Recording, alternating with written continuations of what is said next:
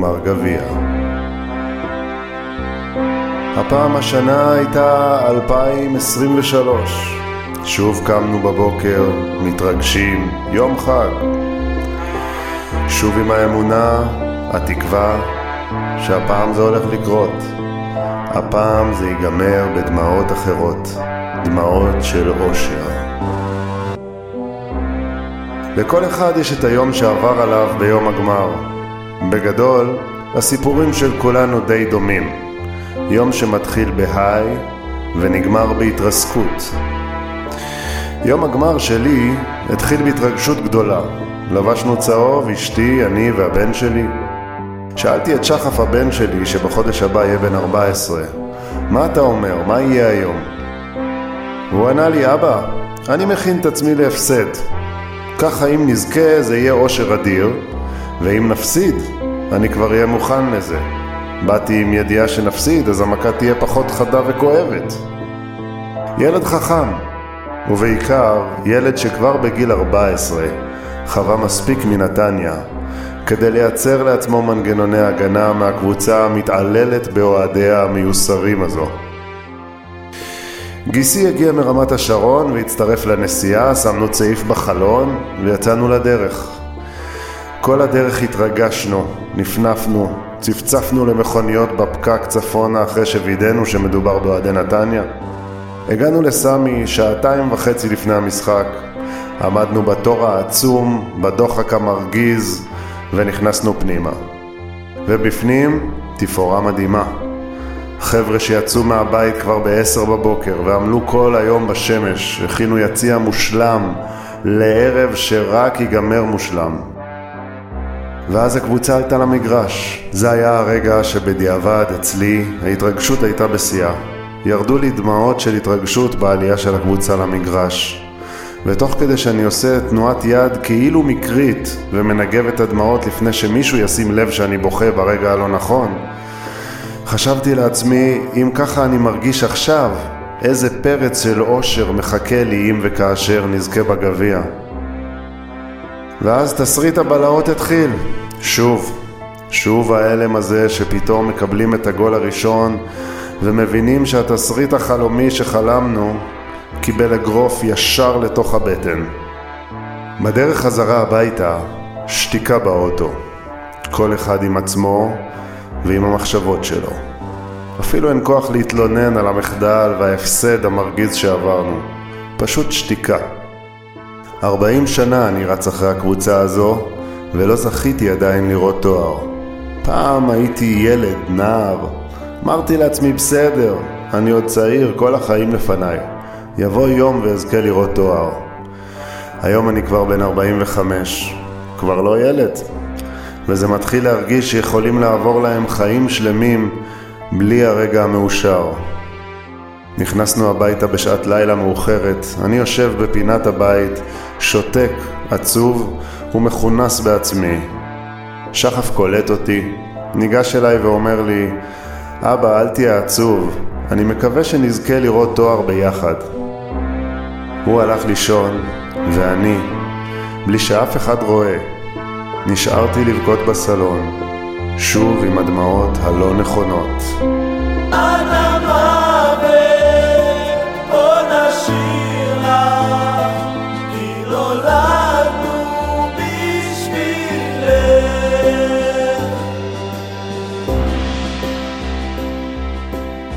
פרק 46, רבותיי, הגיע הזמן uh, להפסיק לשתוק ולהתחיל לדבר על מה שקרה לנו באותו ערב. קודם כל איזה פתיח מרגש. Uh, תודה, תודה, כן, אכן היה מרגש. עצוב. עצוב. נכון.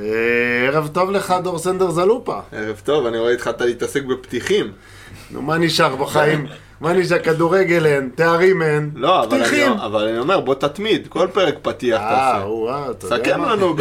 אני אחשוב עליך לקראת העונה הבאה. כן, ערב טוב וברכה, חג ערב- שמח. ערב טוב לך, נדב ואילוני בולי. ערב טוב, חג שמח. חג שמח. והיום יש לנו אורח אה, שהיה איתנו כבר פעם אחת, וחוזר אלינו עורך הדין קובי בנימין הידוע בכינויו קובי חדרה, ערב טוב. ערב טוב חברים, כיף להיות פה שוב.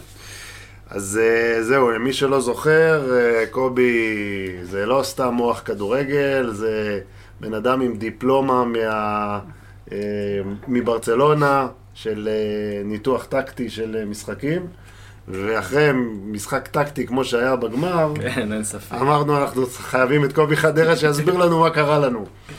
אז, אה, אז קובי היום גם יהיה איתנו, ומה אנחנו נעשה היום בפרק? אנחנו עדיין לא מסכמים את העונה, למרות שכאילו העונה הסתיימה, אנחנו היום בפרק סיכום הגמר, אוקיי? אוקיי. סיכום העונה, יהיה לנו פרק, כידוע, עם פילקנשטיין, נעשה סיכום עונה כמו שצריך. היום אנחנו מדברים אך ורק על גמר הגביע.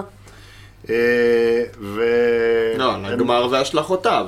כן, אבל אנחנו לא מסכמים עונה. אה, לא, לא. יודע, סיכום בפרק- העונה יהיה שמח, בוא נגיד ככה. שמח, וגם נתייחס לאם יהיה לנו מצטיין העונה, מאכזב העונה, עונה. נסכם עונה. עונה. היום אנחנו בעניין של גמר הגביע. אה, הרבה מאוד אה, יקבלו מאיתנו בראש היום, ויש לציין שהם הרוויחו את זה ביושר. לגמרי. אה, זהו, אז אה, אנחנו נעבור על המשחק, נדבר על ההרכבים, אירועי המשחק, למי שכבר הספיק לשכוח, כי עברו כמה ימים, נדבר על האירועים של המשחק, ננתח את המשחק אה, טקטית, מה בעצם קרה לנו על המגרש. נשאל מי האשם העיקרי בהפסד, אם זה השחקנים או אם זה הצוות המקצועי, אולי שניהם במידה שווה.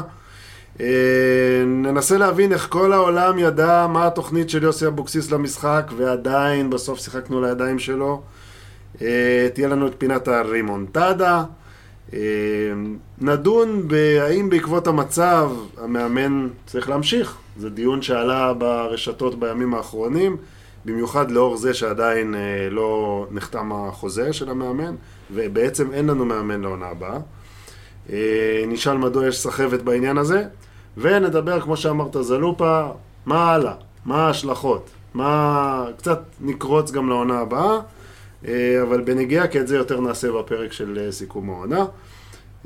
אנחנו לא נדבר על בית"ר ירושלים עם עכשיו, ועל אה, פריצת האוהדים וכל לא הקשקוש לא הזה. מעניין. מי היה, לא היינו שם. צורך. לא רלוונטי לנו, לא מעניין אותנו, אנחנו נטו נתניה. אה, אז זהו, אז לפני שאנחנו מתחילים, אנחנו נגיד שגם הפרק הזה, פרק סיכום הגביע, הוא בחסות אה, סוכנות הביטוח רימונים. סוכנות הביטוח רימונים, להזכירכם, אה, מזמינה אתכם לקבל אה, פגישת ייעוץ חינם, סקירה של המצב הביטוחי שלכם, המצב הפנסיוני שלכם, כדי להבין איפה אתם עומדים, מה יש לכם, מה אין לכם. הפגישה היא בחינם, אה, עם סוכן בכיר, מקצועי של אה, אה, סוכנות הביטוח רימונים, שהייחוד שלה זה שהיא באה מהזווית שלכם, מהצד של הלקוח. זה לא סוכן של איזושהי חברת ביטוח שעכשיו יש לו איזה אינטרס למכור לכם איזה ביטוח של חברה X או חברה Y, זה סוכן של רימונים שהוא בא מטעמכם. כמובן שאתם גם מקבלים יחס VIP כאוהדי נתניה. אתם נכנסים לעמוד הפייסבוק של מחוץ לקופסה, יש שם את המוקד הטלפוני של רימונים, מתקשרים, אומר, אומרים שלום, הלוואי ממחוץ לקופסה שלח אותי כדי לקבל פגישה חינם, נפגשים, מבינים מה מצבכם, מה כדאי, ומחליטים מה עושים. זה ללא התחייבות, וזה חשוב מאוד, אנחנו נדבר על זה שוב בהמשך, בפינת הרימונטדה. אז אנחנו מתחילים בפרק שלנו, ונתחיל בהרכבים. יאללה. והרכב הקבוצה הביתית שהייתה מכבי נתניה. טוב, מכבי נתניה 4-3-3, כרגיל. איתמר ניצן בשער, גלאבוב, רז שלמה במרכז ההגנה, נשיא מגן שמאלי, וייר שוב בעמדת המגן הימני, אה, בוריס אינו אחורי, לפניו אבי ואיתן, צד ימין אוסבילו, צד שמאל פטריק ובאמצע בילנקי.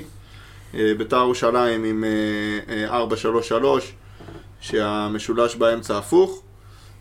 בשער סילבה, במרכז ההגנה אורי דהן ואורל דגני כפרה עליו, צד ימין אבישי כהן, צד שמאל בומוזוב, במרכז הקישור האחורי, כמו שאומרים, אה, דן עזריה ואופיר קריאף, לפניהם תומה, שקיבל את המשימה ל- להידבק לגופייה של בוריס סינה, כמו שאומרים בכדורסל. נכון. ובשלישייה הקדמית אה, שועה משמאל, אספריה מימין וניקולה אסקו במרכז ההתקפה. יפה, אז אה, אנחנו נתחיל לעבור על אירועי המשחק. אה, תרגישו חופשי כשאני מסיים אירוע, להגיד אם יש לכם אה, משהו להעיר נקודה על אותו אירוע. זה מתחיל כבר בדקה הראשונה, כשהמשחק נעצר על ידי אבוקות של ביתר, בפעם ומי- הראשונה. ומי- ומיד אחר כך, איך שגומרים לפנות את האבוקות של ביתר, אבוקות שלנו. יפה, נחמד. אה, איך שויה אמר לי שזרקו את האבוקות של ביתר, אז אמרתי לו, שויה, מה עכשיו הבבונים האלה וזה? ואז נגמר, ופתאום אבוקות מהצד שלנו, שויה מסתובב אליי ואומר, מה אתה חושב, אנחנו פראיירים? וואלה, היה יפה, האמת היה יפה. אז זהו, אז אחרי עניין האבוקות, אה, אני, אני אומר את הדקה כאילו היא הדקה, זה בעצם שיחקו כדורגל שתי דקות, אבל זה היה דקה עשירית בשעון. אה, שועה במרכז המגרש, מוריד כדור בראש לעזריה, שמנער מעליו בקלות את איתן, ופותח בספרינט לכיוון הרחבה. עזריה ממשיך אה, לתומה, ופותח גם הוא בספרינט לכיוון הרחבה. תומה ממשיך ימינה לאספריה, שמגביה לרחוק. ושועה, שעשה את כל הדרך מעיגול האמצע, נמצא לבד ליד הקורה הרחוקה, ונוגח ליד העמוד. מזכיר לכם מישהו? ערן זהבי, זוכרים את ה... דיברנו על זה עוד אז. אה, מקבל- פנימה. מקבל כדור, רץ לקורה הרחוקה, ואף אחד לא רץ איתו. וואלה, אתה עושה קישורים, כל הכבוד לך, באמת. זה, לא, זה פשוט מוטיב שחוזר על עצמו. גם היה עוד פעם שדיברנו על זה, לא זהבי, מישהו אחר. זה אנחנו. פשוט קבוצת כדורגל שלא עושה הגנה. אוכלים את אותו. מהלך שוב ושוב. לא עושים הגנה. אז. אמנם זה היה בדקה 11, אבל זה בעצם המהלך הראשון ששיחקו בו כדורגל. נכון. אנחנו העפנו את הכדור קדימה, ביתר יצא למתפרצת. תוך, אה, בתוך שלוש מסירות, הם הגיעו למצב של 4 על 4 עם הפנים קדימה. אה, שם הם באמת כבר היה, הם ייצרו, הם טפס ימינה לאספריה השערים. רז שלמה צמצם לנסים בשביל לחפות אם אה, אספריה יעבור אותו, מה שיצר להם יתרון מספרי בצד הרחוק. זו התקפה מאוד קלה. בעיקר הדבר המשמעותי בהתקפה הזאת זה העניין הזה של שועה שבמרכז המגרש משחרר את הכדור, מתחיל לרוץ ואף אחד לא חושב שצריך אה, ללוות אותו. וייר היה רחוק ממנו ברגע שהוא השתלט על הכדור, נתן לו חופש. אה, וייר היה רחוק ממנו כל המשחק. זה העניין, תכף נגיע לזה גם ב...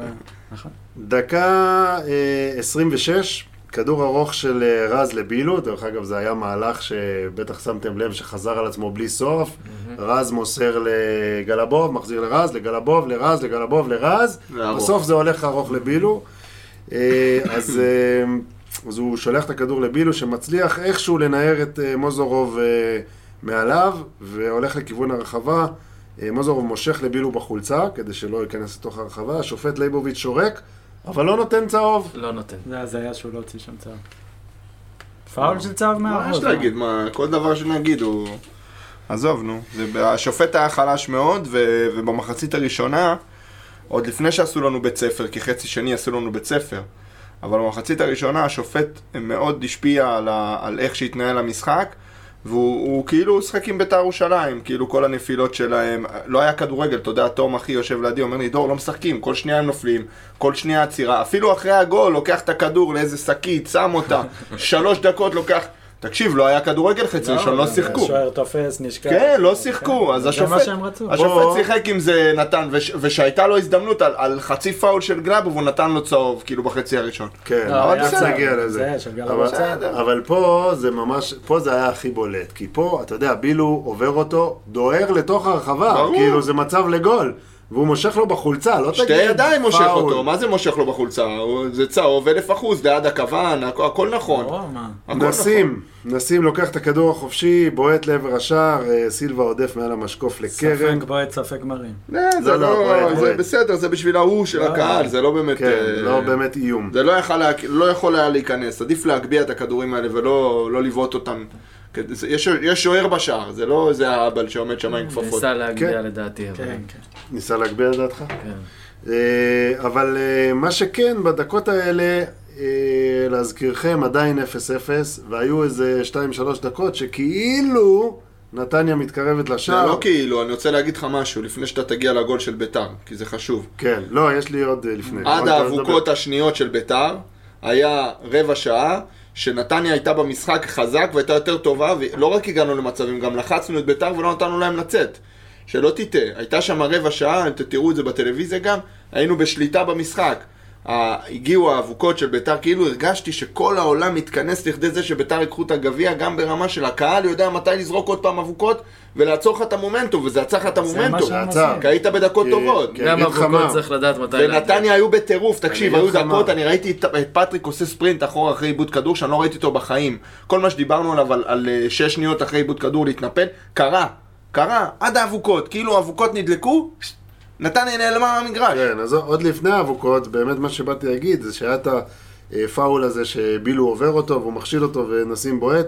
שתי דקות אחרי זה היה עוד אירוע, אם אתם זוכרים, שווייר הכניס כדור לרחבה לאביב, ואביב בעט מהאוויר, ממש מעל המשקוף. היינו להם על השער רבע אז- שעה. אז בדיוק כמו שזלופ אומר, זה המהלך שנבע מלחץ טוב שלנו בפעם הראשונה, וזה הלחץ של מגן על מגן. נכון. נסים ופטריק יצאו נכון. על אבישי כהן וחטפו שם את הכדור. ושועה לא היה במשחק. שועה עד הרגע הזה, עד, ה, עד המהלך של הגול הראשון, שהוא קיבל את הכדור מכלום ו- ועשה את העקב הזה למורוזוב, שועה היה מנוטרל לחלוטין. נתניה הצליחה, הופיעה למשחק הזה למשהו כמו בין 12 ל-15 דקות בחצי הראשון עד הגול של ביתר. נתניה הייתה במגרש. סבבה, אז אנחנו בדקה 30, שכבר קפצת אליה ואני אחזור אליה, בדקה 30 אוהדי בית"ר באופן מתוזמן, אה, מדליקים שוב אבוקות, והמשחק נעצר, ואני שמתי לב שבפסק זמן הזה, הסתכלתי על שני המאמנים, לא יודע, יצא לי כזה, אמרתי אני רוצה לראות מה זה. רן היה בטירוף, מתדרך וזה, מנסה לתקן, לתקן, להסביר, ו... הביא את כל השחקנים אליו, רן. הביא את כל השחקנים אליו, ניסה לזה, ואני מסתכל על אבוקסיס, אבוקסיס לא מתדרך את השחקנים שלו. לא מדבר איתם בכלל. ואז, אתה יודע, אפשר לקחת את זה לשני כיוונים. אני לקחתי את זה לכיוון הלא טוב. זאת אומרת, אני אמרתי, יש מאמן אחד בלחץ, שרואה שהקבוצה שלו מתחילה ליפול לידיים של, ה- של בית"ר ירושלים ותוכנית המשחק שלה, ולא כובשת את השער שלה, ויש מאמן שני שהוא מאוד רגוע, אין לו מה לתדרך את השחקנים שלו, הוא אומר וואלה הכל עובד כמו שאני מתכנן בינתיים. אבוקסיס כל דקה שעברה הייתה לטובתו. כן. פשוט ככה, כל דקה שנתניה לא נתנה גול הייתה לטובת בית"ר ירושלים. אז uh, מתחדש המשחק, ודקה 37, 1-0 לבית"ר ירושלים, חוץ של אבישי כהן. אינו לוקח uh, בראש, הכדור נופל לכיוון איתן, ששוב ניגש ברכות, ושוב עזריה גובר עליו, ומחלץ ממנו את הכדור לכיוון קריאף. קריאף פשוט מעיף את הכדור לצד השני, לכיוון שועה, שמקבל את uh, וייר על הגב, וייר מעכב אותו, אבל אז בילו חולם בחיפוי, בזמן שמוזורוב כבר מזהה את הסיטואציה ועושה את העקיפה משמאל, ושועה משאיר לו עם העקב. בילו כבר באיחור לסגירה, מוזורוב חופשי לגמרי להוציא רוחב להצטרפות של תומה, ניקולסקו ואספריה. רוחב יוצא, מגיע לרז שלמה שמחליט לעזוב את הכדור ולא לשלוח את הרגל. מאחוריו עומד ניקולסקו שכובש את הגול הכי קל בקריירה שלו. וזה בדיוק כמו ההזדמנות הראשונה המסוכנת שהייתה להם עם שועה. שועה מקבל את הכדור, וייר רחוק ממנו. עד שהוא מגיע הוא נותן לו לעצור, להחליט, לחכות להצטרפות של מורוזוב, למסור לו. וגם כאן, ברגע הקרוס, אנחנו בארבעה על ארבעה, שבה רחוק יש יתרון מספרי. אני, אני לא בטוח שאולי לא ראיתי טוב מהיציע, אבל לדעתי הכדור היה בשליטה של וייר. זאת אומרת, אם וייר לא, לא, תוקף לא. אותו חזק ולא נותן לו ליפול, הוא, לא, הוא יכול, יכול היה לקחת את הכדור לפני שהכדור לא, הגיע לא, לאיזה... הכדור, הכדור הגיע לשועה שוואיר נצמד לו על הגב. שועה כאילו גונן על הכדור. כן, אבל הוא יכל הגוף. לקחת אותו ראשון בראש לפני שהכדור נחת. הוא נתן לכדור לנחות, וברגע שהכדור נחת, שועה ייצר עליו, אני אגיד לך ייצר מה, שליטה ברגע על הכדור. המסירה של קריאף, של אה, קריאף, וייר אה, צמצם לכיוון ה- לכיוון האאוט. שהוא היה מאוד לבד. אה, אז לקח לו קצת זמן להגיע לדעתי. העמידה של. וייר במשחק הזה, הרס דיפנס שלו, זה, זה, הוא, כנראה, הוא כנראה לא מכיר את המונח. היו כל כך הרבה פעמים ש, שאתה רואה אותו עומד, אתה יודע, הוא, מפגר בעמדה שלו באיזה ארבעה מטר מהשחקן שהוא צריך לשמור אותו. השחקן שהוא צריך לשמור אותו זה השחקן הכי משמעותי. השחקן. שלו תמיד קיבל את הכדור, זה לא היה רק שועה, אחרי זה גם שהם החליפו צדדים, אה, ולפעמים זה גם המגן. תמיד השחקן שלו קיבל, תקשיב, הוא, הוא לא יודע איפה לעמוד. אבל בוא לא, בוא לא נפיל את התיק, כי, כי במקרה הזה, הגול הוא לא גול של וייר. בוא. זה התחיל מווייר הגול- והמשיך מרז שלמה. לא, לא. אני לא מסכים איתך. המשיך, התחיל, התחיל, וייר, מה שהיה יכול לעשות. אתה יכול להראות את הגול? היה יכול לעכב את, אה, אני ראיתי את הגול הזה עשר פעמים. וייר עיכב את שועה. זה, זה במגבלות, מגבלותיו, אני מסכים איתך שהוא שחקן מוגבל. במגבלות וייר, הוא, מה שיכול לעשות זה לעכב את שועה. עכשיו, ברגע שהוא מעכב את שועה, שועה עם הגב לשער של מכבי נתניה. וייר מעכב אותו, הוא לא מנסה לעבור את וייר ומצליח או משהו כזה. בינתיים אה, מוזורוב מתחיל לעשות ספרינט. מורוזוב. מורוזוב, סליחה. התחיל לעשות ספרינט עקיפה, ובילו הוא זה שחולם, החולם התורן. דרך אגב, גם גלבוב חולם במהלך הזה. זה לא שהוא חולם, הוא יצא מהעמדה. הוא יצא מהעמדה, כבר היה שם וייר, גם בוריס היה שם באזור, הוא יצא מהעמדה והשאיר בור מאחוריו. נכון. גם רז ו- נכנס עמוק. ואז, ו-. ואם אתה תראה זלופה את הגול, אתה תראה שהמגן השמאלי של ביתר מזהה את הסיטואציה ששועה כאילו תקוע עם הגב, ורץ לעשות אותה עקיפה. עכשיו, בילו, עד שהוא מזהה את הסיטואציה, לוקח לו עוד שתי שניות. הוא רואה את ההוא רץ, אז הוא נזכר שהוא צריך להתחיל לרוץ אחריו. ואז בילו מאחר, והוא חופשי לתת את הרוחב, ובוא, רז שלמה. רז שלמה, עזוב, קטסטרופה בפני עצמה, אה, אבל לרז שלמה אין תחליף. לווייר יש. וייר היה צריך לצאת לכל המאוחר במחצית. המחצית הראשונה שלו הייתה זוועה, הייתה באמת משמעותית מתחת לרמה של משחק כדורגל תסביר לי איך רז שלמה לא שולח את הרגל לכדור. מה אני, אין לי גורם- שום הסבר. מה גורם לבן אדם לעזוב לך. את הכדור, כדור רוחב, שיעבור אותו, אתה בלם. אני אומר לך שוב, אין לי שום הסבר. טעות חמורה של רז, קטסטרופה. אגב, גם הגול השני, אוקיי? משחק רע מאוד של רז שלמה, כן. אבל אני אומר לך שוב, כל המשחק הגנה, כל הפרצות בהגנה שלנו התחילו מעידו וייר. הוא היה חלש להחריד. כל החצי הראשון, הוא היה צריך להיות מוחלף במחצית. לא, לא, לאו דווקא דשן קונסטנטין, אחרי זה אני מבין למה הוא הכניס את שי, כי הוא היה צריך התקפה. אבל, תקשיב, זה... מה זה באמת מתקיף אה, משכמו ומעלה. טוב, אז אנחנו אה, ממשיכים לדקה 41. אה, שוב, התקפת מעבר אה, קלאסית, ניקולסקו שולח את אספריה שדוהר אה, עד השער, בלי שרז יכול להשיג אותו במהירות כמובן, ואיתמר לוקח גול. אה, מיד אחר כך הכוון גם הרים אה. לנבדל, היה שם אופסייד. שמע, התקפה מתפרצת, תוך שלוש שניות מרגע החטיפה, הם כבר היו באחד על אחד מול שוער, אה, בשתי מסירות קדימה. דבר, ממש. דבר מובנה, בולי, אה? זה כאילו... לגמרי. זה ככה, כאילו ברגע חטפו ש- את הכדור, הם ידעו בדיוק מה בדיוק, לעשות. ברגע ש... זה מה שבאתי להגיד. ברגע שניקולסקו מקבל את הכדור לרגל, הוא יודע שכבר אספריה דופק את הספרינט למעלה. ומחפש אותו. אה, זהו, אה, הוסיפו 17 דקות למחצית הראשונה, מה שיצא שבדקה 47 איתן מכניס כדור לרחבה, אה, אביב ממשיך אותו שמאלה לפטריק, פטריק בועט חזק על השוער סילבה, פינה קרובה. פינה קרובה לשוער סילבה.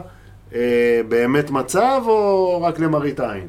המצב הכי טוב שהיה לנו כל המשחק. לגמרי, כן, גם הבעיטה של איתן אה, לא רחוק. לא רחוק, אבל אה, זאת בעצם הייתה באמת ההתקפה המסודרת הראשונה שלנו. זו התקפה שהתחילה מהגנה, עברה מצד לצד, אה, לא איזה לחץ גבוה שהגענו ממנו. כן, בהחלט מצב טוב. אבל טוב. לא- אבל לא בעיטה בשביל להכניע שוער. כן, זה היה... חזקה, אבל כאילו עליו. כן, זה היה נראה כאילו שזה לא באמת מסוגל להכניע אותו. דקה 48, רז שלמה, שוב, מתחשל בהחזרת כדור אה, רעה אחורה, למזלו איתמר היה ערני, מקדים את ניקולסקו ומרחיק את הכדור. זוכרים את כן. הפארסה הזאת של אה, רז. דקה אחרי זה גלבוב, האיטי נאלץ לעצור את שועה במשיכת חולצה אה, וצהוב, שגם יעלה לו בהמשך בחילוף.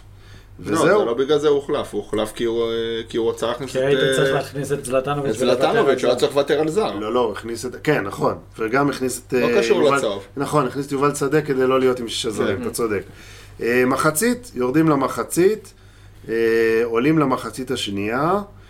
אה, אני רשמתי לעצמי אירוע ראשון בדקה ה-60 במחצית השנייה, יש לכם משהו להגיד על ה-15 הדקות הראשונות של המחצית בעיטה של השנייה? איתן מתי הייתה? לא, אחר כך. אחר כך. אין מה להגיד, מה יש להגיד? לא, איתן זה לפני. אה, נכון. איתן זה לפני, אני חושב, כן, לא. רשמתי את זה, כן, נכון. הבעיטה של איתן זה המצב הכי, לדעתי, הכי מסוכן שלנו היום במשחק. כן. כן, עוד גם אה, מצב שהגיע אחרי קרוס לרחבה, הגיע מריבאונד כאילו. אבל היה ברור מהרגע שנכנס הגול של ביתר, המשחק נגמר, כאילו ככה הרגישו כולם, אני לא ראיתי אוהד נתניה אחד שיש בו טיפה של אופטימיות, אי אפשר, כאילו, אתה רואה גם ככה שאתה חלש ב-0-0, עוד לחטוף מהם את הגול הזה ולנסות להחזיר, זה לא ריאלי, זה האנרגיות, האנרגיות באצטדיון היו לכיוון אחד, לא יכלת לנצח את ביתר באותו יום, בטח עם איך שהתפתח המשחק. לא יכולת. בדקה ה-60 התחילו סשן החילופים, שמתחיל איתו יוסי אבוקסיס, שמוציא את דן עזריה המצוין, ונכנס במקומו עדי יון- עדי יונה. כן. אה, דקה 63, קוז'וק עושה חילוף משולש, כשמה שדיברנו, יובל שדה נכנס על גלבוב, גנדלמן אה, מחליף את אזולאי, ואיגור נכנס אה, במקום בילו, רק עובר שמאלה, ופטריק טאומאסי עובר ימינה. למה אזולאי יצא ולא אביב? אתה שואל? כן. לא יודע. אביב לא נגע בכדור כל המשחק. לא לא, נגע נגע, נגע. אביב היה, עזוב שאיתן היה בינוני, מינוס, בינוני זה מחמאה. איתן נוטרל לחלוטין על ידי דן עזריה. לחלוטין.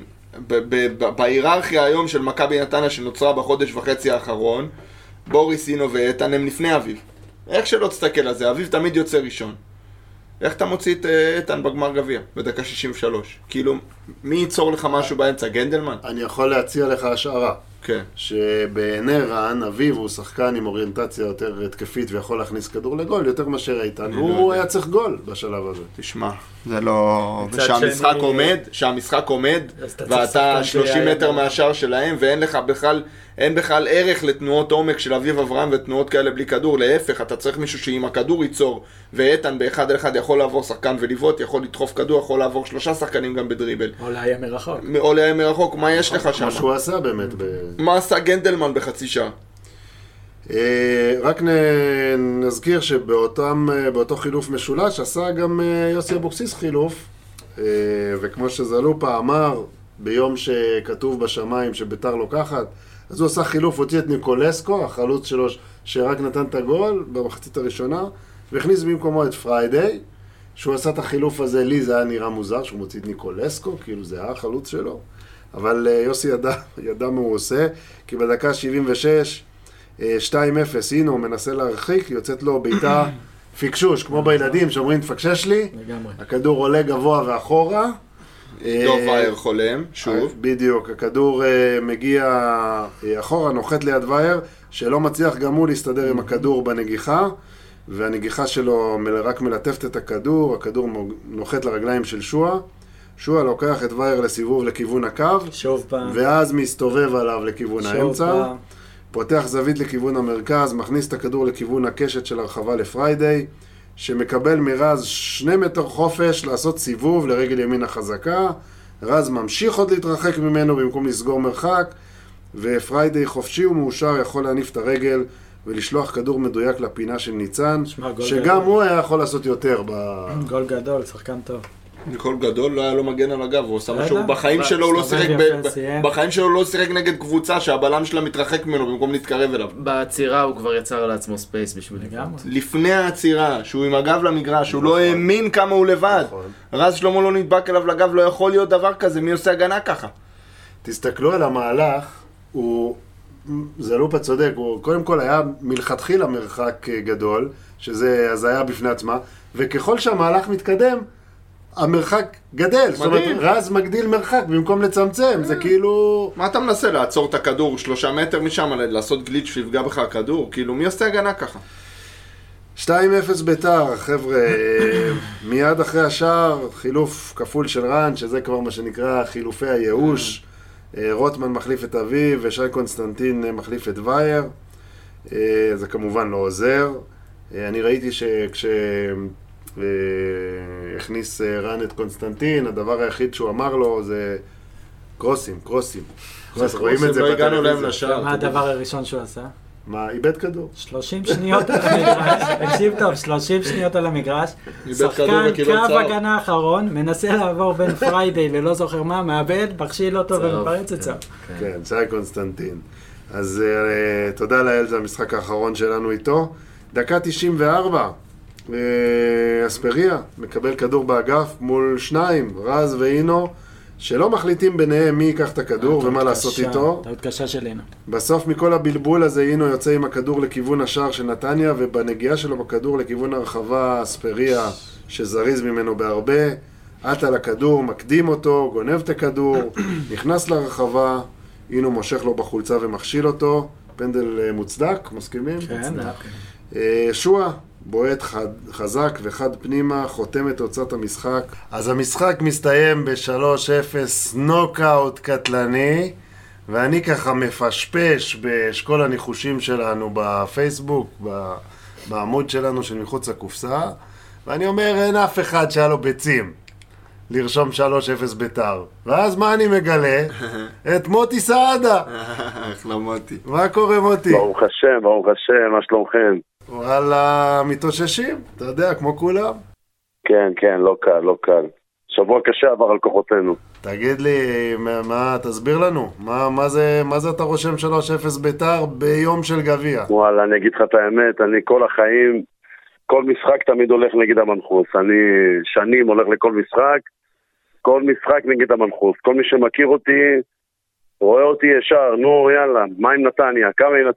כמה ינצחו, כמה ייגמר, מה יהיה, מה יהיה. בגמר אמרתי, אני הולך תמיד נגד המנחוס, אין מה לעשות. ואז וואלה, הלכתי נגד המנחוס, אתה יודע, הלך הפוך. וואלה, הלך הפוך, קל, קל. ביום, ביום הזה הכל הלך הפוך. אין דבר שלא הלך הפוך ביום הזה. ממש, ממש ככה, תאמין לי. זה יום, יום חג שהפך להיות, אה, לא נקרא לזה יום אבל, אבל אה, יום מאוד קשה. כן, לא קל. כן, תגיד, אה, מוטי, למי שככה, לא, למרות שאני מאמין שהרוב מכירים אותך, אה, כולם. אבל מי שלא מכיר אותך, דבר קצת, ספר בין כמה, מצב משפחתי, מה עושה. מוטי סעדה, נשוי פלוס שלוש בנות, גר בנתניה, אוהד נתניה מגיל 13, משהו באזור הזה פלוס מינוס. אה, הולך כל משחק, בית חוץ, בשנה האחרונה קצת פחות, שנה וחצי האחרונה קצת פחות, כי חזרתי קצת בתשובה אז אני לא נוסע בשבת, אבל בעבר כל משחק הייתי נוסע, גם בחו"ל. כל מגרש בארץ הייתי, עברתי את התקופות הכי קשות במועדון. ממגרשים בגבעת נפוליאון ועד לווסטרמיל ובאר שבע. כן, כל חור בארץ עברתי. אני מעיד שהוא צודק. כן. כל מגרש בארץ, אם זה יום שישי בערב לחזור מגבעת נפוליאון כי נתקע לנו אוטובוס של האוהדים בחולות עם השחקנים לחזור באוטו, 0-0 עד בגשם. וסטרמיל שזרקו עלינו בלוקים. 0-0 בגשם בגבעת נפוליאון, אתה זוכר? אפס בגשם, נתקענו בטח, נתקענו בחולות ממול האצטדיון, והשאר רק היסטוריה, חזרנו עם השחקנים, אני לא אשכח איך קורה, שכחתי איך קוראים לשחקן, חילק לנו סנדוויצ'ים עם טונה שנשארו להם. הייתה בעיטה אחת לשער כל המשחק, זוויטי למשקוף. ניסה להגביה, יצא לו בעיטה. לא היה כלום. חושך, זה, והיה עוד משחק אחד שבחיים אני לא אשכח אותו, זה היה בנצרת לפני כמה שנים עם האבנים, אה, שזרקו ברור. עלינו מבחוץ, זה שתי משחקים שאני יכול להגיד שביום שישי בערב, המשפחה שלי דתיים, שהגעתי אחרי הקידוש.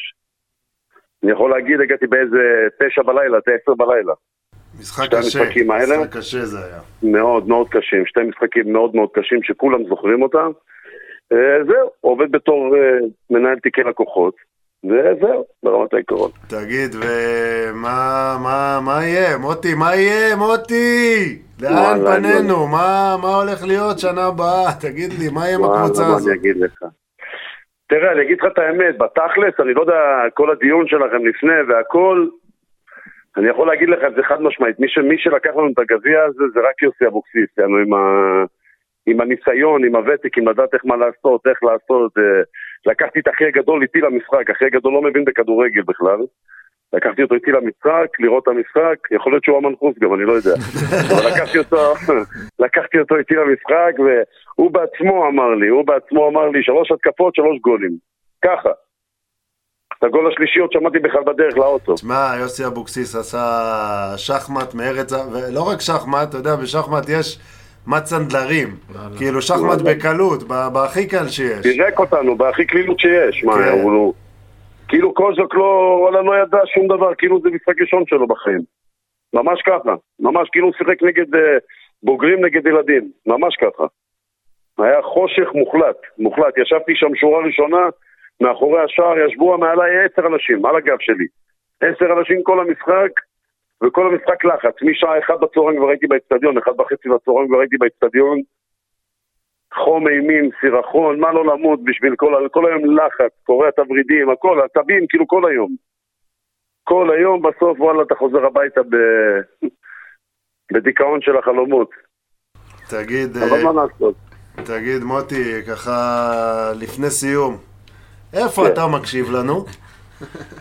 אני, אני אגיד לך את האמת, אני נוסע כל יום מרעננה לנתניה, בתקופה האחרונה נהיה פקקים מטורפים, הכבישים שלנו משוגעים. אז אני לוקח לי כל יום איזה שעה, שעה ורבע נסיעה הלוך חזור, שומע כל תוכנית שלכם, מהראשונה ועד האחרונה. וואלה, זה שעה ורבע זה גם פחות או יותר בדיוק הזמן של כן, הפודקאסט. כן, זה- כן, אני... בדיוק, מהעבודה עד הבית. ממש רגע, ככה. אז רגע, נגיד, שנייה, הגעת הביתה, כן? ואתה קולט שיש עוד ארבע דקות אחרונות. אתה- אתה מכבה את האוטו או. נשאר במזגן? חד משמעית נשאר במזגן באוטו, ואני גם אגיד לך מתי זה היה, זה היה בפודקאסט עם, אה, אה. עם משה פרימו, שהיה לכם עם משה פרימו, שמעתי חצי ממנו באוטו למטה. למה אם אני נכנס הביתה זה... אם. אני נכנס הביתה זה ילדים, זה שיגעון, אין טלפון. שלוש בנות, לך תשחיל מילה. אין טלפון. הטלפון עובר למצב השתק. כן. טוב, מוטי, כן. יאללה, תודה רבה, אח שלנו. תודה נקווה ל... אתה יודע, לדבר איתך פעם הבאה בסיטואציה קצת יותר. שמחה. תמשיכו עם העשייה המטורפת שלכם, אתם אלופים. תודה, תודה, רבה. מוטי. דש לכולם. מוטי, דש לכולם, אוהבים אותך. שלי היקר, תודה רבה. ביי, נשמה, ביי. ביי, נשמה טוב. טובה.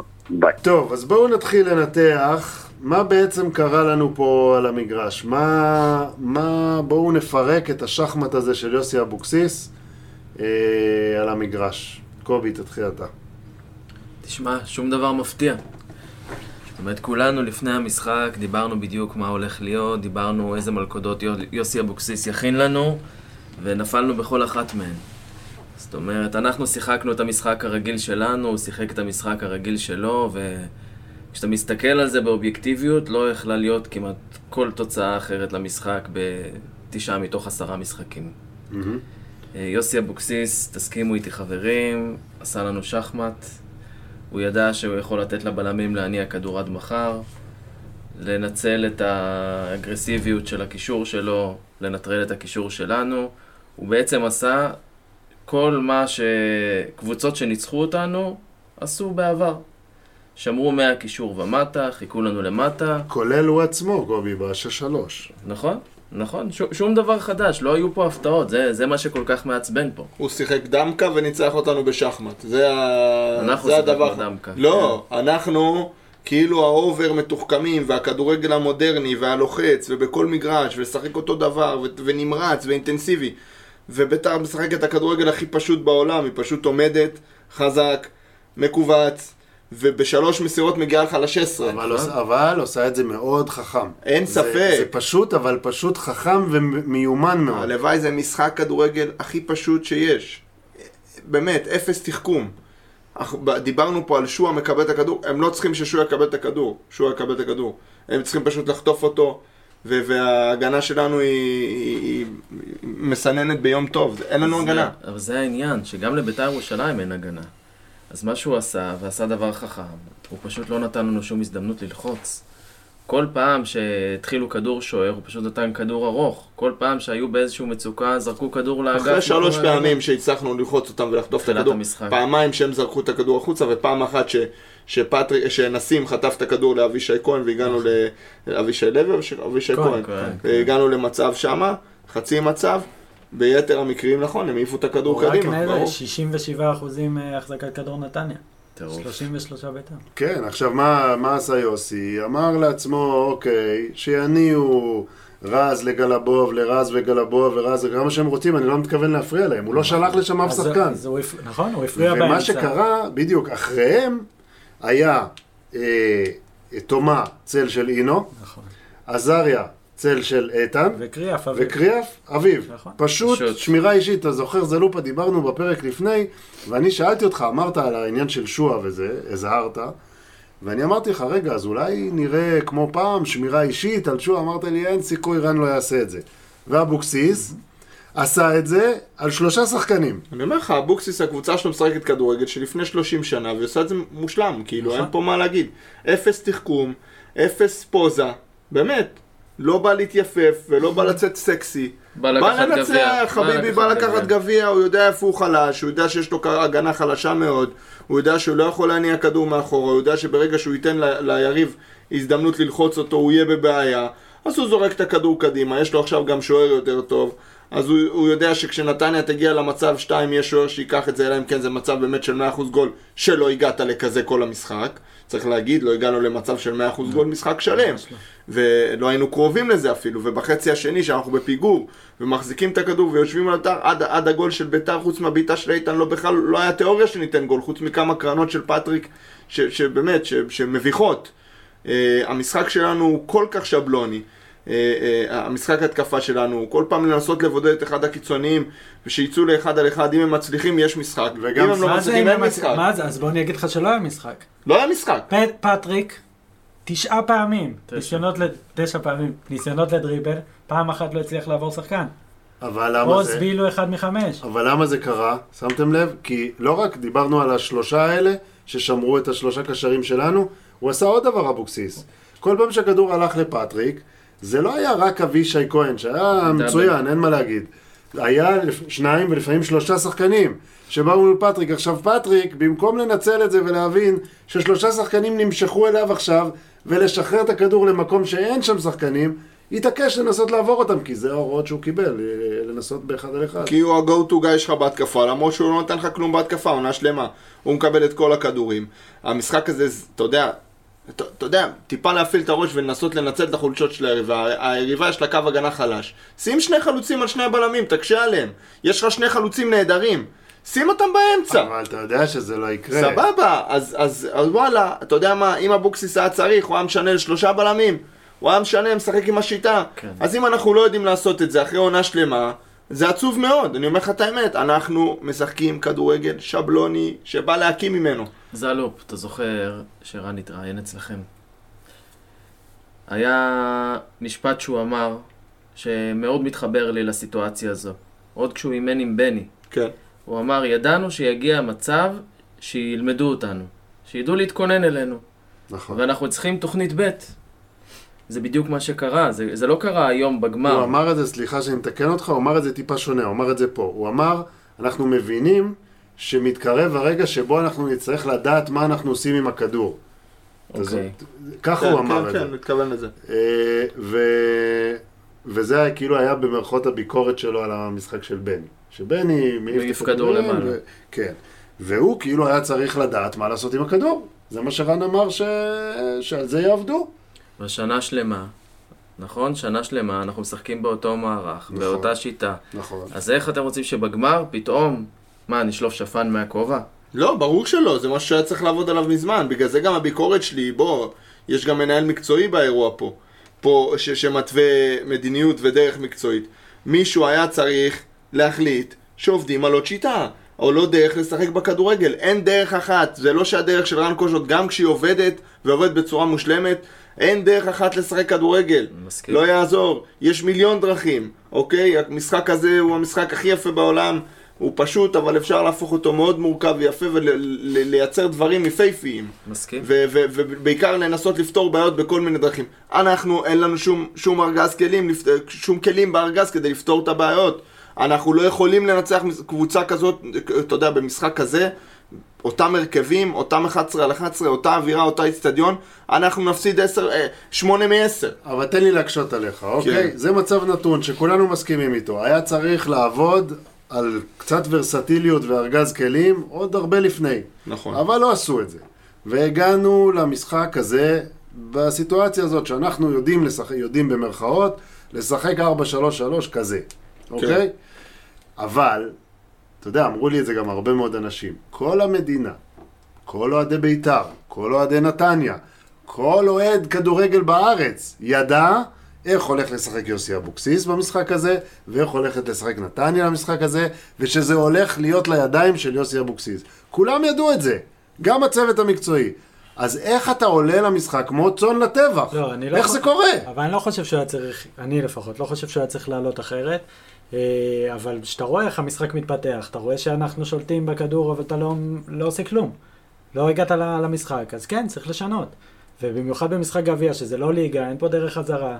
בוא נהמר, בוא נשנה, בוא ננסה משהו, גם אם לא עבדנו על זה. היו צריכים לקרות אחד משני דברים, אוקיי? בוא, רן מצא לעצמו איזושהי אה, שיטה ל- ל- להסתדר עם, ההתקפות מעבר של היריב. כי בתכל'ס זה עקב אכילס שלנו, אנחנו אוהבים להחזיק את הכדור, אנחנו לוחצים גבוה כדי להרוויח את הכדור, ואם לא הצלחנו לדחוף את הכדור מהר קדימה שהוא יתת גול, אנחנו מחזיקים אותו ומניעים אותו בשביל לייצר את השטחים, אוקיי? זה המשחק של מכבי נתניה, מכבי נתניה קבוצה שמשחקת עם הכדור, היא לא יודעת אחרת. לא דרשו ממנה אף פעם אחרת, וזה בסדר, זה הדרך של המנהל המקצועי ושל המאמן. היו צריכים לקרות אחד משני דברים, אוקיי? אה, אה, הנוכחות של וייר כבלם שלישי בהנעת הכדור, זה מה שרן בנה עליו, הוא אמר וייר יישאר עם שני הבלמים, לא יהיה לי בעיה מצד שמאל, שועה לא יקבל את הכדור, הכדור ילך רק צד שני, הוא צדק, אוקיי? אממה, בהתקפה לא היה לך כלום, כי היה לך רק את בילו על קו ימין, וייר פחד להצטרף אליו וקיבל הוראה לא להצטרף אליו, וייר לא עבר את החצי, אולי פעם אחת כל המחצית הראשונה. אז, אז יצרת מצב שלמעשה יש, יש שחקן אחד באגף ימין שהוא רחוק מלהיות בשל ומוביל ו- ו- ושובר שוויון שצריך לעשות את האחד על אחד מול מורוזוב שהוא מגן בינוני, אבל עדיין, עוז בילו לא מסוגל עליו עדיין. זאת אומרת, צד ימין אין לך משחק. צד שמאל יש לך את פטריק, שהתרומה ההתקפית שלו למכבי נתניה היא, היא, היא פחות מאפס, אני לא יודע אם יש, היא, היא באמת, וגם היו, מתחת לאפס. וגם היו מוכנים אליו, כן? אני לא צריך להיות מוכנים אליו, הוא כלום. לא הצליח לעבור הוא כלום, עונה שלמה, הוא כלום השחקן הזה. כלום, אין בו כלום. שום דבר חוץ מפוזה אין בו כלום. הוא לא עשה כלום העונה במכבי נתניה. חוץ מגולים מהקרן וגול אחד מדהים, אלוהי. בסדר, אבל גול אחד זה לא... זה. הוא לא עשה כלום העונה. השורה- שום דבר. השורה התחתונה, אז אתה יודע מה, אני אשאל אותך, אני אקשה עליך שוב. אז אני, רגע, אז אני אומר דבר פשוט. נו. אם אתה לא משנה שיטה, אוקיי, ואתה לא הולך לעלות עם שני חלוצים, ואת פטריק אתה לא תזיז, אז תזיז את עידו וייר משם, שים מגן, אמיתי, את ג'אבר, ותשחק הלאה בבאללה. תקוף עם שני המגנים, תשאר עם שניים מאחורה. תהמר! גם ככה אתה תקבל 3-0. גם ככה הסיכוי שלך לתת גול באיך שאתה עומד על המגרש הוא אפסי. אז כבר תשים בצד ימין את ג'אבר, תגיד לו ג'אבר חביבי תעלה כמה שאתה רוצה. תעשה לי 2 על 1 על הקו, לא רק בפרס של מגן על מגן. באיזה שלב אתה מדבר? במחצית? לא, לפני תעלה ככה.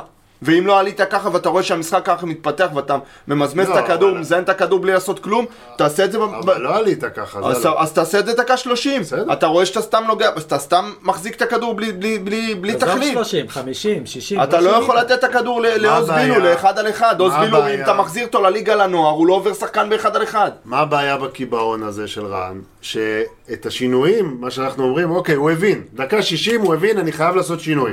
אני יכול להמשיך להניע את הכדור ככה עוד שעתיים. והשינויים שהוא עושה, הם בתוך השבלונה, הם ב-4-3-3. אבל זה- זה הוא יוציא זה, יכניס את איגור, ישים אותו בשמאל, יחזיר את המסי ימינה, זה, זה אותו, זה עוד מאותו דבר. בגלל זה קל ללמוד אותך, בגלל זה קל להתכונן אליך. אז כן, כמו שאתה אומר, בוא נשבור את השבלונה. בוא נכניס לא את יכול- זלטנוביץ' נשחק עם שניים. אין. אף קבוצה בעולם שמשחקת 4-3-3 של שחקן אחד על הקו ולא שניים. בטח קבוצה שמחזיקה את הכדור. בוא, ברצלונה המציאה את הכדורגל הזה. ש- ששחקן אחד עם הרגליים על הקו והשני בא מלפניו או, או עושה את התנועה בזמן כדי לייצר שתיים על אחד. אתה לא יכול לשחק אחד על אחד על הקו, בטח לא עם שחקנים כאלה, אתה חייב שניים. אז אם אתה עולה לשחק ככה, תעלה. אתה יודע מה, אתה תתעצבן, אבל שים את שי קונסטנטין במשחק הזה. זה לא, לתקוף. לא, לא, אחי, לא, תקשיב, לא. אני חייב להגיד לך משהו. לא, לא, אתה תעצור עכשיו. עידו וייר. תקשיב טוב. עידו וייר, ביום טוב, ביום טוב, הוא שחקן ליגה לאומית, תחתית ליגה לאומית. אוקיי. הוא אשם ישיר. בשני השערים, הוא לא. ורז שלמה כן, הוא ו- הוא כן, הוא ורז שלמה אשמים באופן ישיר בשני השערים, לא. רגע תן לי לסיים, הוא בחודש וחצי האחרון השחקן הכי חלש במכבי נתניה, כולל בחצי גמר שהוא היה שן מתנדנדת עד שהוציאו אותו יצא הנשמה דקה 60, הוא לא ברמה, הוא לא ברמה, נקודה. סבבה. אני מעדיף אלף פעם, שים את אחותי הקטנה מגן ימני ולא אותו. אז אני אומר לך יותר, הכל. אז אני אגיד לך ככה, אני מעדיף את אחותך הקטנה, מה, שווה.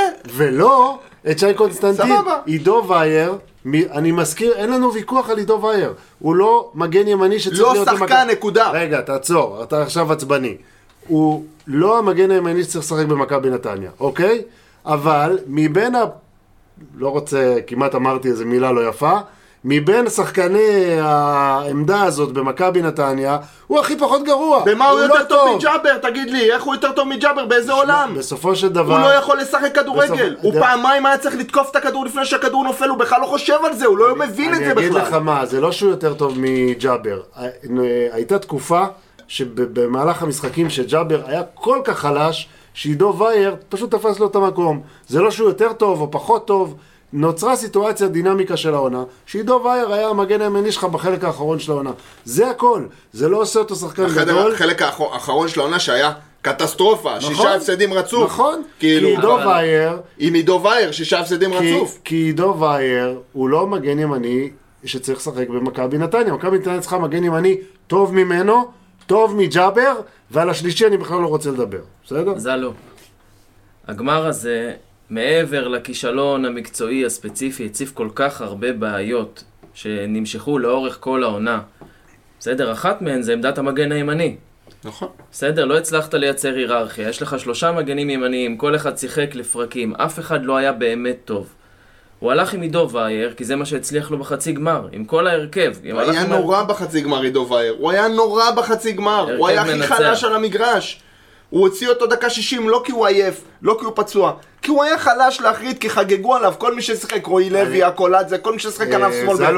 בחצי גמר חגג עליו. בהיררכיה. דרך אגב, כרגע, הוא לא? מסכים, דרך אגב, הוא לא מסכים איתך. מי? המאמן שלך לא מסכים איתך. לבריאות שיהיה לו, מה? סבבה. הוא לא חייב להסכים איתי. ולא רק זה, גם בגמר עכשיו, אה, בשורת חילופים הראשונה, עידו וייר לא היה אחד מהם. חטפת את הגול השני. בסדר, אני לא אומר שהוא צודק. עידו וייר במחצית היה צריך להיות אומר בחוץ. אבל גמרת לא את ג'אבר.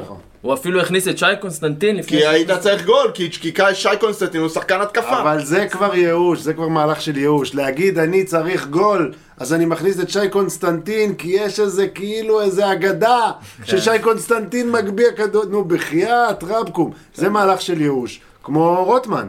רוטמן, ו- ודיברנו על זה לפני זה, בפרק שלפני זה, שאין כפתור, גם עליו וגם על טאומאסי, אין כפתור.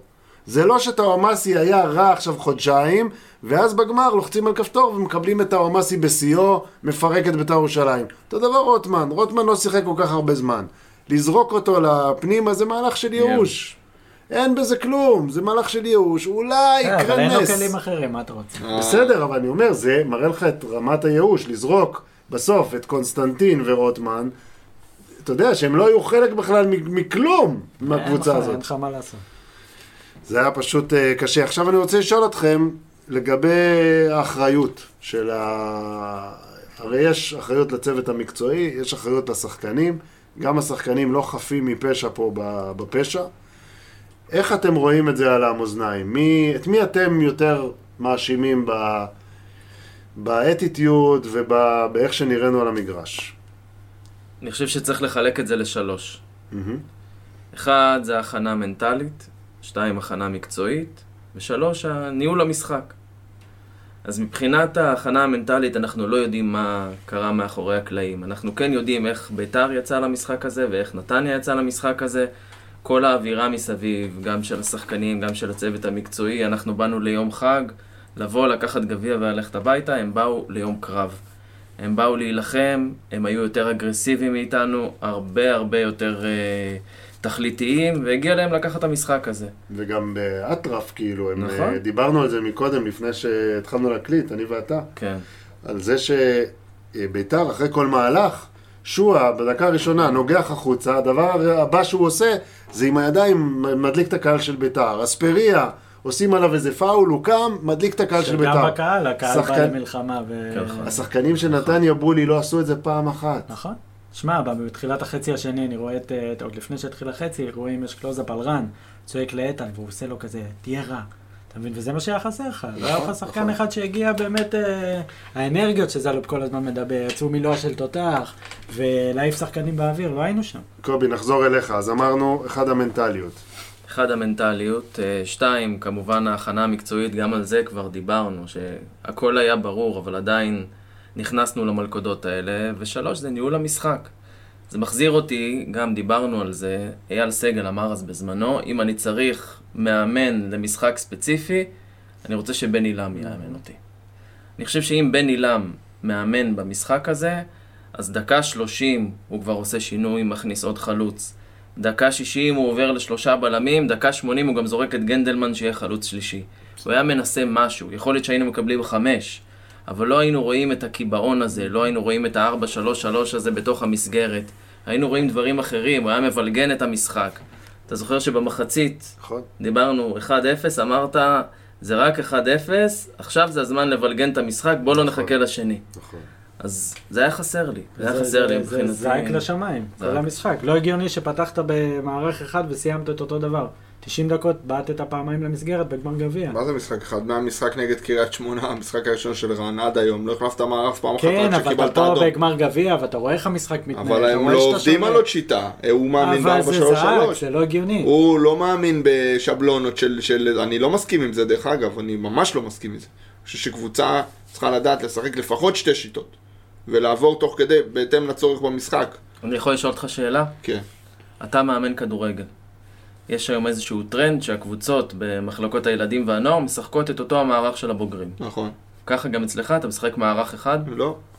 אני ביקשתי מהמאמנים, המאמנים יודעים שהם צריכים לשחק א' על הארץ, להניע את הכדור, אה, ב' עם, אה, עם אה, אה, קשר אחורי, 6, לפתח, כי אנחנו מפתחים שחקנים, ג' עם 10, כי אנחנו רוצים לפתח עשיריות, וד' עם שני חלוצים על המגרש. שני חלוצים יכול להיות שניים, יכול להיות שלישייה ששניים מהם חלוצים ואחד הוא 10, אוקיי? אבל באופי של השחקנים. 10 ושני חלוצים. המערך הבסיס הוא יהלום, אבל הם יכולים לשחק מה שהם רוצים. אני מפתח שחקנים, אבל עוד פעם, אה, אה, זה, זה, אני לא יודע אם זה יהירות, אני לא יודע אם זה, אם זה, אם זה, אה, איך קוראים? אני מנסה לחפש את המילה, כאילו שהוא מאוד, אה, הוא מאוד צעיר, הוא עוד לא, טירון. טירון, כן, אם הוא, שהוא חושב שזה יעבוד, אתה יודע, שאתה, שאתה חדש ב, ב, בעניינים, חסר ש- ניסיון, זה חסר לא. ניסיון, תודה. זה, זה, יש את זה במילה אחת, אני עוד אמצא את זה. אה, שהוא, אתה יודע, שהוא חושב ש, שזה יעבוד תמיד. כאילו זחוח. שתמיד, שתמיד יהיה, זה לא זחוח. אגב, זה גם אלמוג חטא בזה, שאלמוג אמר לך פה, הוצאנו ממנו שכן, חשבנו ששום דבר לא יפגע בנו. נכון. אז, אז גם פה, כאילו, ה-4-3-3 לא תמיד יעבוד. ה-4-3-3 הוא טיפש, דרך אגב, שיטה מאוד טיפשית, מאוד טיפשה, אוקיי? אין בה הרבה תחכום. אבל היא כן מאפשרת לך לכסות את כל השטחים בצורה הכי קלה. אתה תראה, אגב, ליגות ילדים, כולם משחקים 4-3-3. למה? כי הכי קל להתפרס על המגרש ככה. ב-4-4-2 תמיד אתה צריך לעשות, לוותר על משהו. אבל אה, אה, זה מאוד חורה לי ש, שעד היום רן, לא, לא, רן ואלמוג, אני פה, רן ואלמוג, לא השכילו לעשות את הדבר הזה, להפוך את הקבוצה הזאת למשהו אחר, לש, שתהיה לך את האופציה לשנות תוך כדי משחק. ובמשחק הזה זה היה מתבקש. אתה פשוט שיחקת להם לידיים בקטע שהוא כבר... אני אומר לך את האמת, נכנס הגול. ישבתי, שמתי ידיים, באותו רגע, תקשיב, אני בדרך למשחק, היה לי בחילות, הרגשתי לא טוב. הרגשתי לא טוב, מהלחץ. אמיתי, היה לי לחץ קשה. הבירות לא עזרו, כלום לא עזר. עד הגול של, אה, של ניקולסקו. נכנס הגול של ניקולסקו, אני אומר לך, פתאום, יכלתי ללכת לרוץ מרתון. הרגשתי טוב. פתאום עברה לי הבחילה, הלחץ, הדופק ירד. אולי אתה אוהד בית"ר. לא, הבנתי באותו רגע שזה נגמר. כן. הבנתי באותו רגע שזה נגמר, שנגמר המשחק, שגול אחד הכריע את המשחק הזה. היה לי ברור שאין לנו שום סיכוי לחזור למשחק הזה. מאותו רגע, כי הם לא יעשו איזה שינוי קיצוני. כי אי אפשר, אתה לא יכול להכריע את אני אגיד לך בית"ר משהו. אני אני צריך להגיד לך משהו על זה. לס- 4-3-3, וחשוב שאנשים יבינו את זה, זה לא קללה, אוקיי? 4-3-3 אה, משחק את ריאל מדריד, ומשחק פפ קרדיולה, וכולם משחקים. אממה, שלכל הקבוצות הנהדרות האלה שמשחקות 4-3-3, יש פלן בי. זאת אומרת שגוארדיולה רואה שהמשחק תקוע עם אהלנד והוא לא מצליח לתת את הגול, אז הוא מכניס חוליאן אלוורז, ולא מוציא את אהלנד. הוא מכניס, והוא לשחק עם שני חלוצים. וזה משהו שרן נפל בו. אתה לא יכול להתעקש על ה-4-3-3 הזה, כשאתה רואה, וב, ובגמר זה היה השיא. כי בגמר היה ברור, כמו שבולי אמר במחצית, דיברנו על זה, שחייבים לבלגן את המשחק. כן. חייבים משהו אחר שיקרה פה, כי אחרת זה, זה פשוט עוד 45 דקות, ביתר אה, מניפה גביע. והוא לא מצליח לצאת מהקיבעון הזה. וזה חבל מאוד. ואם אני הבנתי נכון, קובי, מה שאתה אומר, זה שלגבי השאלה שלי, אתה את האשמה תולה בצוות המקצועי. תשמע, אי אפשר לנקות פה את השחקנים, כי באמת אף אחד לא הגיע אף אחד. למשחק. אבל מכיוון שאף אחד לא הגיע למשחק, אתה כבר מבין שזה משהו יותר גדול מיכולת לא טובה של שחקן X או שחקן Y, זה משהו מערכתי. עכשיו, בעוד נקודה אחת, דיברת על ה-4-3-3, גם בתוך ה-4-3-3, הרי ה-4-3-3 הוא איזשהו מערך בסיס. שיחקת נגד ביתר, תקפת, עם 2, 3, 5, עם עם, אה, 3... לא, שלושה מאחורה. 3, 2, וייר נשאר כמו בלם שלישי. אז שוב, זה, אתה יודע, זה 4-3-3 כמערך בסיס, אבל יש כל כך הרבה וריאציות, כל כך הרבה פתרונות בתוך המערך הזה, אפילו בלי לשנות מערך, אבל אנחנו פשוט אה, לא מסוגלים אה, למצוא פתרונות במהלך לא משחק. אותם. שורה תחתונה, יש פה סגל, אנחנו עוד מעט נגיע לזה בהרחבה, ובטח בסיום העונה ננתח את זה, אבל יש סגל שהוא לא מספיק איכותי, מוגבל. הוא מאוד מוגבל, כן. ו... והמערך הזה לא קרוב אפילו, השיטת משחק הזו לא קרובה אפילו כדי להוציא ממנו את ה... למיצוי את ה- הפוטנציאל. למיצוי הפוטנציאל. נכון. ו... ומתי אתה רואה את זה? מתי אתה במערומיך? במשחק כזה, שאתה פוגש את, ה... את, ה... את, ה... את צורת המשחק שהכי קשה לך לשחק מולה. זאת אומרת, אתה נכון. ברמה הכי גבוהה, זה, זה לא הרמה הכי גבוהה, זה בית"ר ירושלים, זה לא מכבי חיפה. אבל פה אתה רואה איפה אתה ערום. נכון. ואתה ערום בכל כך הרבה מקומות ש... שקיץ אחד לא יספיק כדי לתקן את זה. אנחנו שאלנו בקבוצת הוואטסאפ של אה, מחוץ לקופסה, שאגב, מי שעדיין לא נמצא בקבוצת הוואטסאפ שלנו, אז שייכנס. שייכנס, חבר'ה, אתם, אתם מה? מבינים. יש סקרים שאתם לא משפיעים עליהם, והנה אני אספר לכם על אחד מהם. שאלה ששאלתי את קובי, שאלנו גם בקבוצת הוואטסאפ, אה, מעל 450 חברים בקבוצה, מי לדעתך השם העיקרי בהפסד בגמר הגביע? האם השחקנים, שפשוט לא הופיעו, או הצוות המקצועי שלא הכין אותם כמו שצריך וקיבל שחמט מיוסי אבוקסיס? מה... טוב, אתם יודעים מה התוצאות. לא האמת. שלא הייתי עם הטלפון כל היום. מה אבל- לדעתך התוצאות, זלופה? אני אומר הצוות המקצועי. הצוות המקצועי במוחץ, מה שנקרא, האוהדים 200, 222 אה, חברים בקבוצת הוואטסאפ, קבעו שהצוות המקצועי הוא זה שאשם בהפסד, אה, רק 69 חושבים שהשחקנים אשמים, זה רוב מוחץ. ועוד ה- 100 לא הדליקו את הטלפון אחרי שיצא שבת. 100, כן. כן. עדיין מחכים, ל- עדיין מתלבטים, על מי הם יותר כועסים. אה, אבל כן, האוהדים חושבים אה, כמונו, שהצוות המקצועי, כמו שאמרת, זה לא שחקן אינדיבידואלי זו או אחר, זה, כן, יש פה אבל משהו זה יותר לא גדול. מנקה את השחקנים. שמע, אף אחד לא. באמת לא הופיע. אין אף אחד לא הופיע. אין שחקן שאתה יכול להגיד כאילו הגעת לגמר. אה, גם ברמת האנרגיות והלחימה וגם ברמת היכולת. אין פתיח לא מצטיין. היום. אין, אין מצטיין. אי אפשר. אין מצטיין. אי אפשר, לא יכול להיות. אין אחד שהיה. אתה יודע מה? יש לי מצטיין. יהושע, אבוקסיס, נו תגיד. דן עזריה.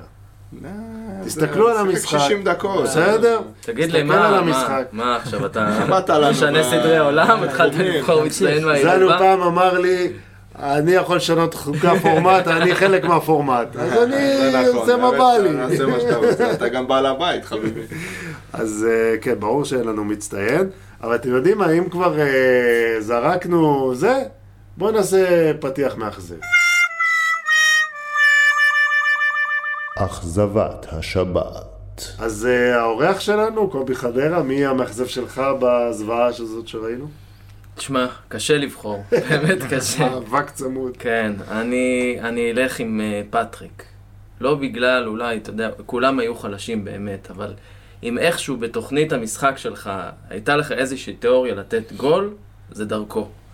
אבל uh, האחד על אחד שלו היה קטסטרופה, אני חושב שלאורך כל העונה, נכון. כשאין לו שטחים, אז ה- האחד על אחד לא עובד, קשה לו מאוד לייצר יתרון בשטח צפוף, אבל uh, שוב, הציפיות ממנו היו שהוא השחקן שיכול לעשות את זה ולתת לנו גול, uh, אז הוא המאכזב שלי. בולי?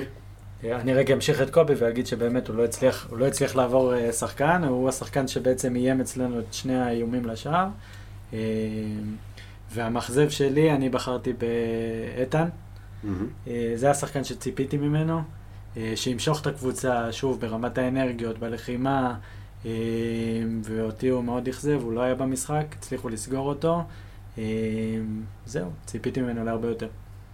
זלופה, רז שלמה. אני איתך. רז שלמה. וואו, זלופה. מה זה? אנחנו מתרגש? מסכימים על משהו. אתה מתרגש? וואלה, אני מתרגש. בוא נעשה לחיים לכבוד חיים זה. אח שלי. לחיים. אמרתי לך, לא רוצה בירה אחת, אני בא לי עוד אחת. בולי, אני גמרתי את הבירה שלי. עוד לא הגענו לדיון איתך. המעניין. אה, כן, רז שלמה, מאז הנבחרת, לא איתנו.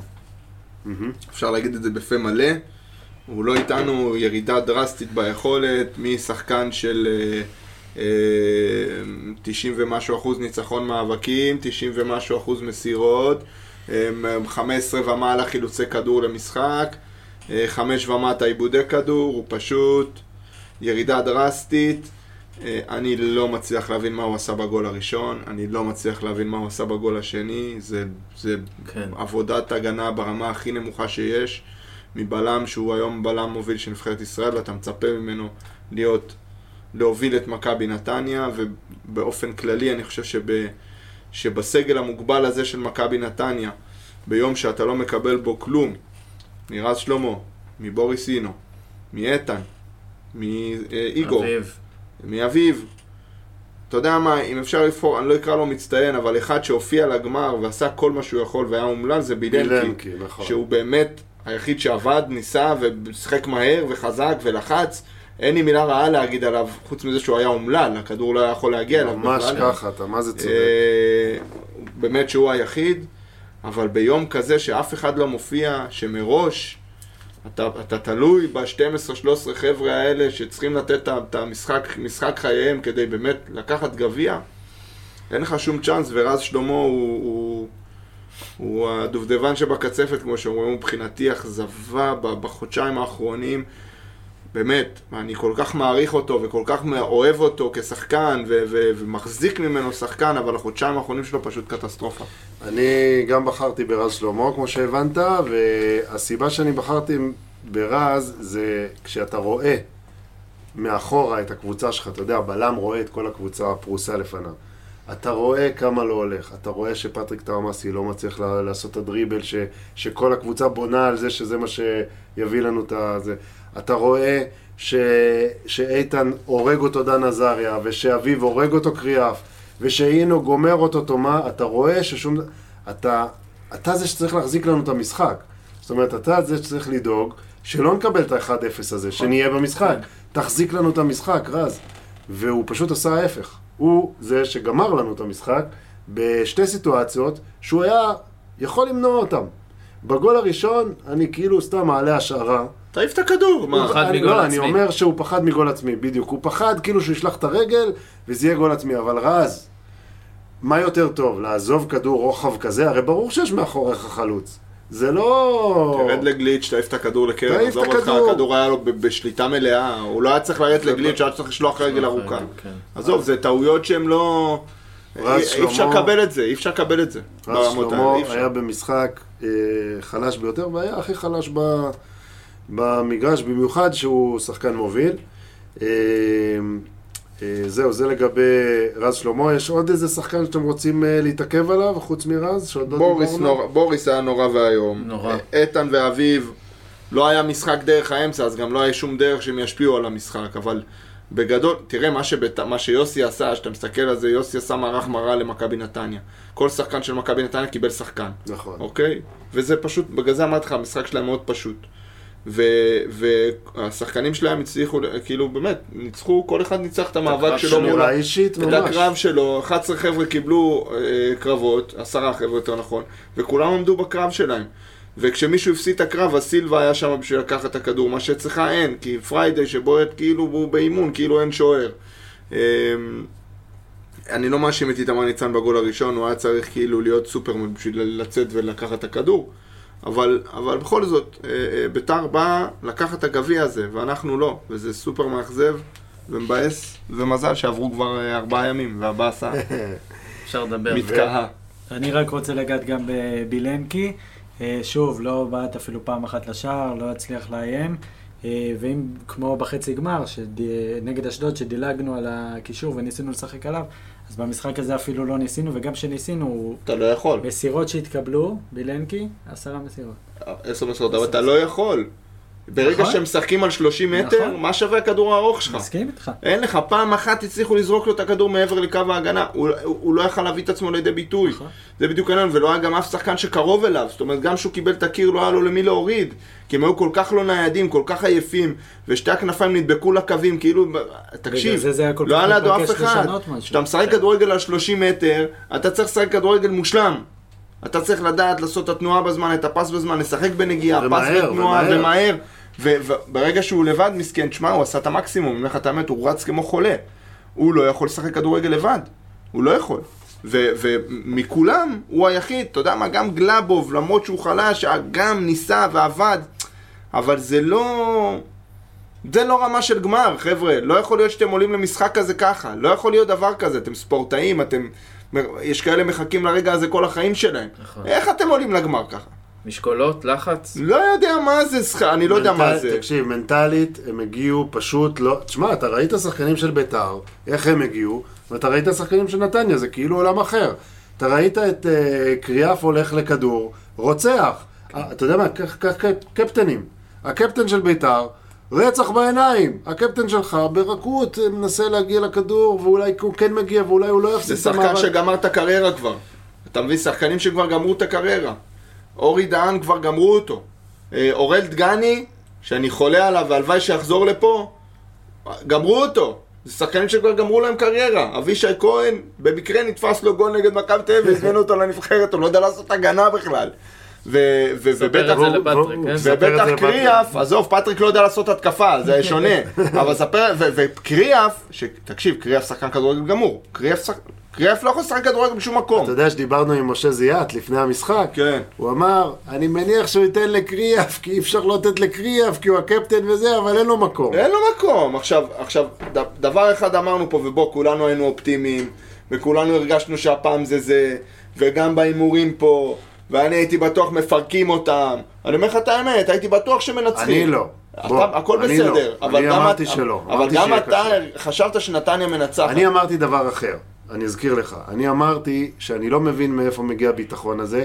אמרתי לכם, וגם עם משה זיאת דיברנו על זה, אמרתי, אתם שוכחים שאנחנו מדברים על קבוצה שנתנה לנו שש חתיכות לא מזמן, ואתם שוכחים שזו אה, קבוצה עם רביעייה קדמית, שאם אנחנו נופלים לתוך המלכודת שלהם, הם מנצחים אותנו. נורא פשוט. וזה בדיוק מה שקרה. אתם הייתם באיזושהי אמונה שאני חושב שהיא יותר, עכשיו בדיעבד, אם אני נותח את זה, היא יותר באה לכם מהבטן. מהבטן, חד מאשר משמעית. מהראש. חד משמעית. כי, כי וואלה, הלכנו כמו צאן לטבח. כן, לא, אבל כי זה- אתה, אתה, אתה, סליחה בולי.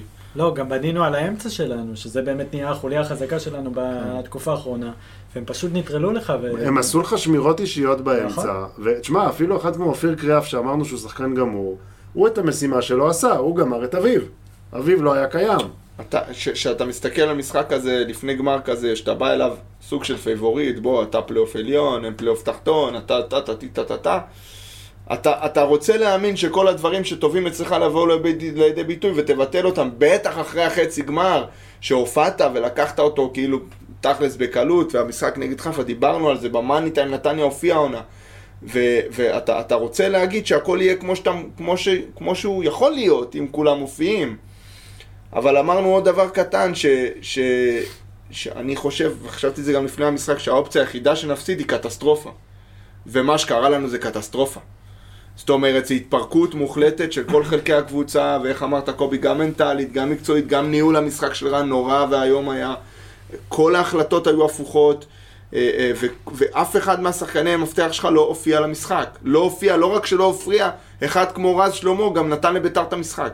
נכון. ו- ו- ובצורה כזאת, אין לך צ'אנס. עכשיו, אז אני, אני רוצה בקטע הזה לעשות איזשהו, אתה יודע, אנחנו צריכים, וגם על זה דיברו איתי, אתה יודע, דיברו אנשים על אבל ודיכאון וזה, ובסופו של דבר יש פרופורציות בחיים, אוקיי? וכדי שלא יקרה לנו בחיים מה שקרה לרן במשחק הזה, אז אה, דבר אחד צריך לעשות. פינת הרימונטדה. אז uh, מה קרה בעצם לרן קוז'וק ולמכבי נתניה? הם הגיעו ל... לרגע האמת לא מוכנים. פשוט לא מוכנים. לא היה להם את הפתרון המוכן מראש לדבר. וכשזה בכדורגל, אז זה נגמר בלהפסיד גביע, שזה כואב לכל, לכל הדעות. אבל כשזה מדובר בחיים שלנו, ובבריאות שלנו, ובעתיד שלנו, שם אסור לנו לטעות. ושם אנחנו חייבים לדאוג מראש שאנחנו מגיעים מוכנים. כי אם אנחנו נגיע לא מוכנים לרגע האמת, זה יהיה אסון. ושלא כמו בכדורגל, לא עלינו אסון בחיים, אנחנו לא רוצים לחוות, ולכן אל תהיו, אל תהיו מכבי נתניה. ת, תתכוננו לרגע הזה, תכינו את עצמכם מראש, שלא תגיעו לרגע האמת ותגידו, אוי, אבל אין לי ביטוח בריאות, אבל הביטוח בריאות שלי לא מכסה את הסל של התרופות האלה וכולי וכולי. אנשים מגיעים למצבים שברגע האמת הם לא מוכנים, ואתם יכולים לעשות את זה, ואתם צריכים לעשות את זה, כי אוי ואבוי אם אתם תגיעו לרגע האמת בחיים, לא מוכנים, כמו שהגיע מכבי נתניה לגמר הזה, וזה די פשוט. לא מדובר פה על מערכים ולא על 433, מדובר פה על מספר טלפון של רימונים. אתם מתקשרים, קובעים פגישה, ומה שעושים ברימונים, הם דואגים שבפגישה איתכם לוודא שאתם תגיעו לרגע הזה מוכנים. אם זה רגע חס וחלילה שתצטרכו את ביטוח הבריאות שלכם, אם זה רגע שתצאו לפנסיה. אה, אתם יודעים, ואנחנו לא חושבים על זה ביום יום. עובר עוד יום ועוד יום, ולא חושבים על זה, אבל זה חשוב, כי כשמגיע הרגע, אנחנו לא רוצים לקבל נוקאוט מביתר ירושלים, ולא נוקאוט מהחברת ביטוח שלנו. אנחנו רוצים להיות on the safe side. אז תרימו טלפון, המוקד של רימונים נמצא בעמוד הפייסבוק של מחוץ לקופסה. אתם מתקשרים, אומרים הלוואי שלח אותי, מקבלים יחס VIP של אוהדי נתניה, פגישה חינם, עוברים איתכם, מוודאים שאתם מוכנים לרגע האמת של החיים שלכם, ולא פתאום תגלו ברגע האמת שחסר משהו, שהביטוח שלכם לא מכסה משהו. עוברים איתכם על הכל, מייעצים לכם מה כדאי, מה לא כדאי, וסוגרים לכם את התיק הביטוחי בצורה הטובה ביותר. אה, הפגישה היא גם ללא התחייבות. אתם יכולים לשמוע ולהחליט שוואלה, אנחנו מעדיפים להיות לא מכוסים. נשמע מוזר? יש גם כאלה. לא מומלץ. אז uh, תרימו טלפון ותוודאו שאתם מכוסים כמו שצריך, ואנחנו ממשיכים לנושא הבא. אז בעקבות כל מה שאמרנו, ודיברנו על זה שהצוות המקצועי אשם הרבה יותר מהשחקנים ועליו האחריות, אז נשאלת שאלת ההמשך. האם בעקבות כל זה, הצוות המקצועי, ואני בכוונה אומר הצוות המקצועי ולא רק המאמן, אתם יודעים מה? בואו נתחיל מהמאמן. האם המאמן צריך להמשיך, כן או לא? קובי. אני לפני הגמר הייתי בדעה שמשחק אחד לא צריך להשפיע על עתיד המאמן. מהמם. זאת אומרת שההחלטה כבר צריכה להתקבל לפה או לפה, בלי קשר לתוצאת המשחק. העניין הוא שהמשחק הזה, כבר דיברנו על זה קודם לכן, המשחק הזה הציף כל כך הרבה כשלים שבעצם באו לידי ביטוי לאורך העונה ורק צפו במשחק הגמר, שהם גורמים לי לתהיות. זאת אומרת, נניח נשאר רן קוז'וק. תהיה פה קבוצה, חצי קבוצה חדשה בעונה הבאה. האם אנחנו שוב, אה, ייקח לו חצי שנה אה, ללמד את ה-433? האם תהיה גמישות מחשבתית, יהיו מערכים אחרים, שיטות אחרות, או שזה זה מה שאנחנו יודעים? אני חושב שזו שאלה שבעצם ההנהלה צריכה להציב למאמן, להגיד, אוקיי, מה, לאן אנחנו הולכים?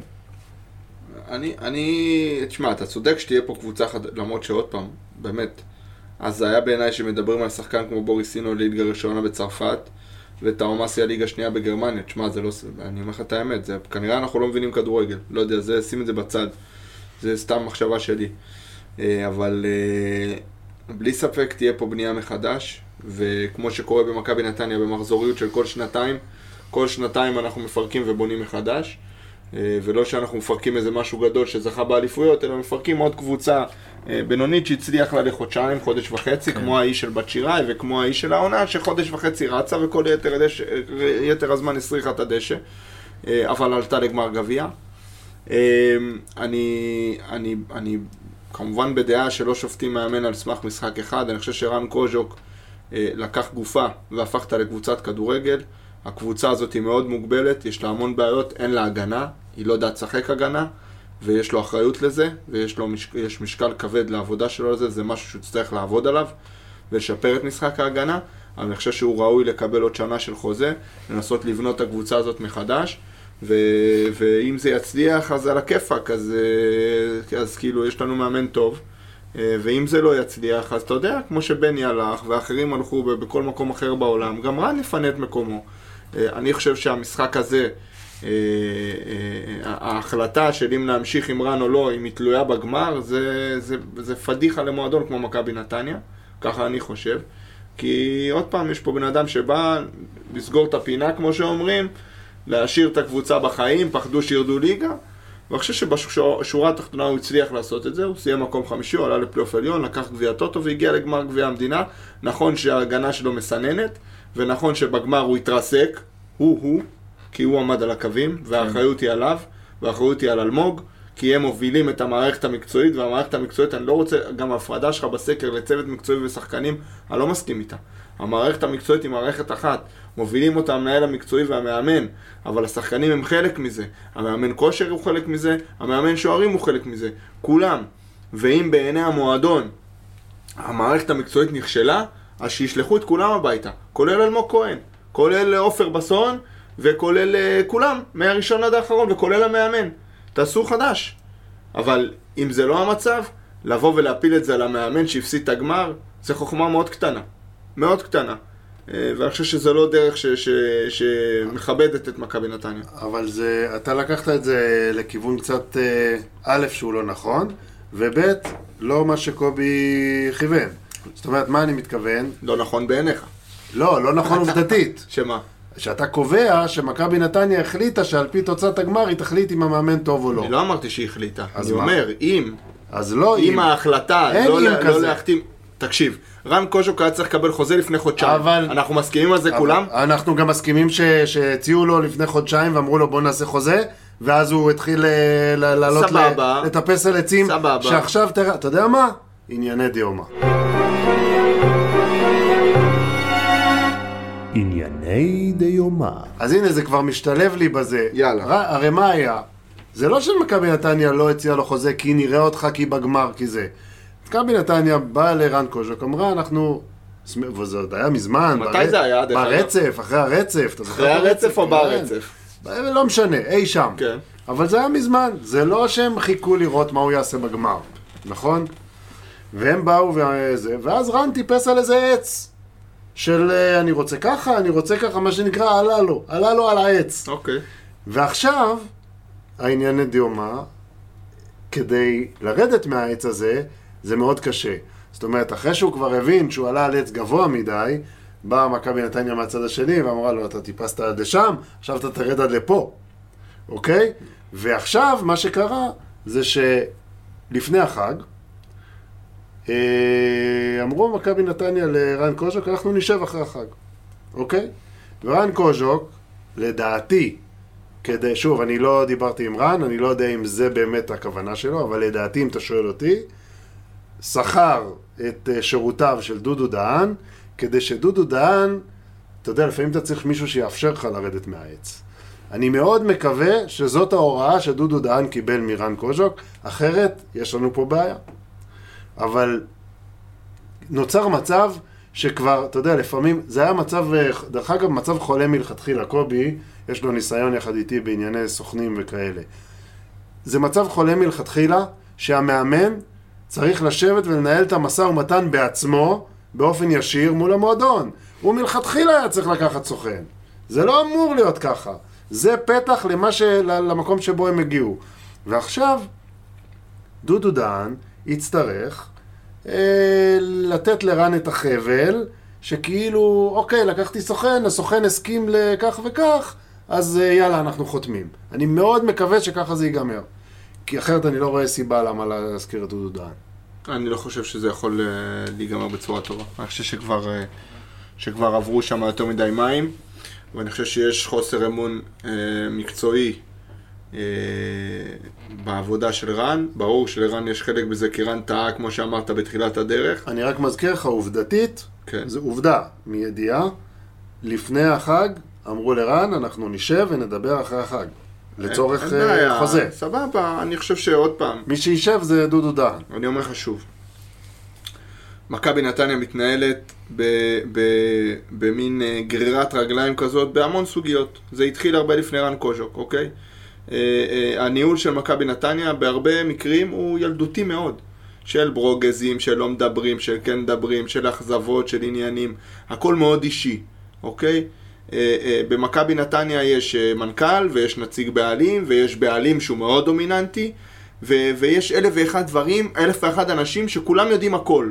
אוקיי? וכולם מדברים על הכל. הרי אתה שומע את זה מכאן ומכאן ומכאן ומכאן ומכאן. הנותני חסות יודעים, החברי דירקטוריון יודעים, המנכ"ל יודע, הנציג הבעלים שלא ברור מה הוא שונה מהמנכ"ל ומה הוא עושה שם. כל אחד יש לו את שלו, כל אחד אומר את שלו, כולם מדברים אחד על השני, המון אנשים מסתובבים שם, ואני חושב שזה מייצר אה, אה, התנהלות שהיא לא בריאה במכבי נתניה, והיא הפוך ממה שמכבי נתניה רוצה להיות, שאם היא רוצה להיות מועדון גדול, היא צריכה להתנהל כמו מועדון גדול, והיא לא עושה את זה. יחד עם זאת, לרן יש אחריות, כמו שאתה אומר, רן בא ודרש א', ב', ג', טיפס על העץ הכי גבוה, הוא עשה טעות פה. נכון. רן גם יותר טוב לו, אה, יותר טוב לו לקחת שנה אחת, מה אתה צריך להתחייב להם? קח שנה אחת, תעשה עונה טובה, תעוף מפה. לא, הוויכוח הוא לא על השנה, הוויכוח הוא על עכשיו, הפיצוי. בסדר. לא, אני- מלכתחילה, אתה אומר, כן, אתה צודק. להציע למאמן במכבי נתניה חוזה לעונה אחת, פלוס אחת, פלוס שתיים, לא משנה מה, ואם הוא מפוטר שלוש, ארבע, חמש משכורות, זה בושה למכבי נתניה. ככה אני רואה את זה. כן, זה לא רק במכבי נתניה. זה מה שאני אומר, זה הופך אותנו לחדרה, סכנין, הפועל חיפה, ואני חושב שמכבי נתניה לא רוצה להיות שם. שים את זה בצד. לא, גם- אני אומר, שנייה, אני רק אומר יותר מזה. אני אומר באופן כללי, כ- לא רק מכבי נתניה, מועדון כדורגל מול מאמן, חבר'ה, נתתם לו חוזה שנה, לא מדבר חוזה חמש שנים. כן. נתתם לו חוזה שנה, אז בסדר, אם מפטרים אותו, צריך לשלם לו את השנה, יפה. לא קרה שום דבר. נכון, אני, אם על זה זה נופל, זה טמטום בעיניי. אה, ברור ש... אבל אני חושב שעברו שם כל כך הרבה דברים, ואתה אתה שומע את הדיבורים מכל כך הרבה אנשים, שאתה מבין שיש כל כך הרבה חרא ביניהם שזה לא יכול לעבוד. כי אני אגיד לך למה. כי בא המועדון ואומר, אם, אם לא היה עולה ומטפס על העץ, אנחנו גם לא היינו עכשיו סבבה, בפינה הזאת. אז אני אומר לך שהמועדון הוא יותר גדול. והמועדון יכל לגמור את זה ביום. ובסוף, ובסוף העניין הזה גם יש, אתה יודע, יש איזשהו אה, כאילו חישוב כזה שאומר, רגע, רגע, רגע, ו, ולמה הוא כן מתעקש על, ה, על הסעיף הזה? למה הוא כן מתעקש? הרי הוא יתחיל את השנה, אוקיי? יעשה כמה ניצחונות, כמה זה יגיע למחזור אה, חמישי, עשירי, שמיני, לא יודע מה. איך שאתה לא הופך את זה, זה יהפוך להיות אוקטובר, נובמבר, דצמבר. בסדר? אז אם אנחנו מדברים על... ואז מה נשאר לחוזה? חמישה חודשים, שישה חודשים. אז על מה אנחנו מתווכחים? אני אסביר לך מה, כי על יש שלושה שיח, חודשים אנחנו מתווכחים. יש שיח בעולם... מה הטיפוס הזה על העץ? יש שיח בעולם מאמני הכדורגל של, על עניין הסעיף פיצויים הזה. שיש לך את המעגל הזה של המאמנים שמגיעים לקבוצה, רק בשביל לקבל עבודה מוכנים גם סעיף של חודש פיטורים. אומרים, אני אצליח, אני אצליח.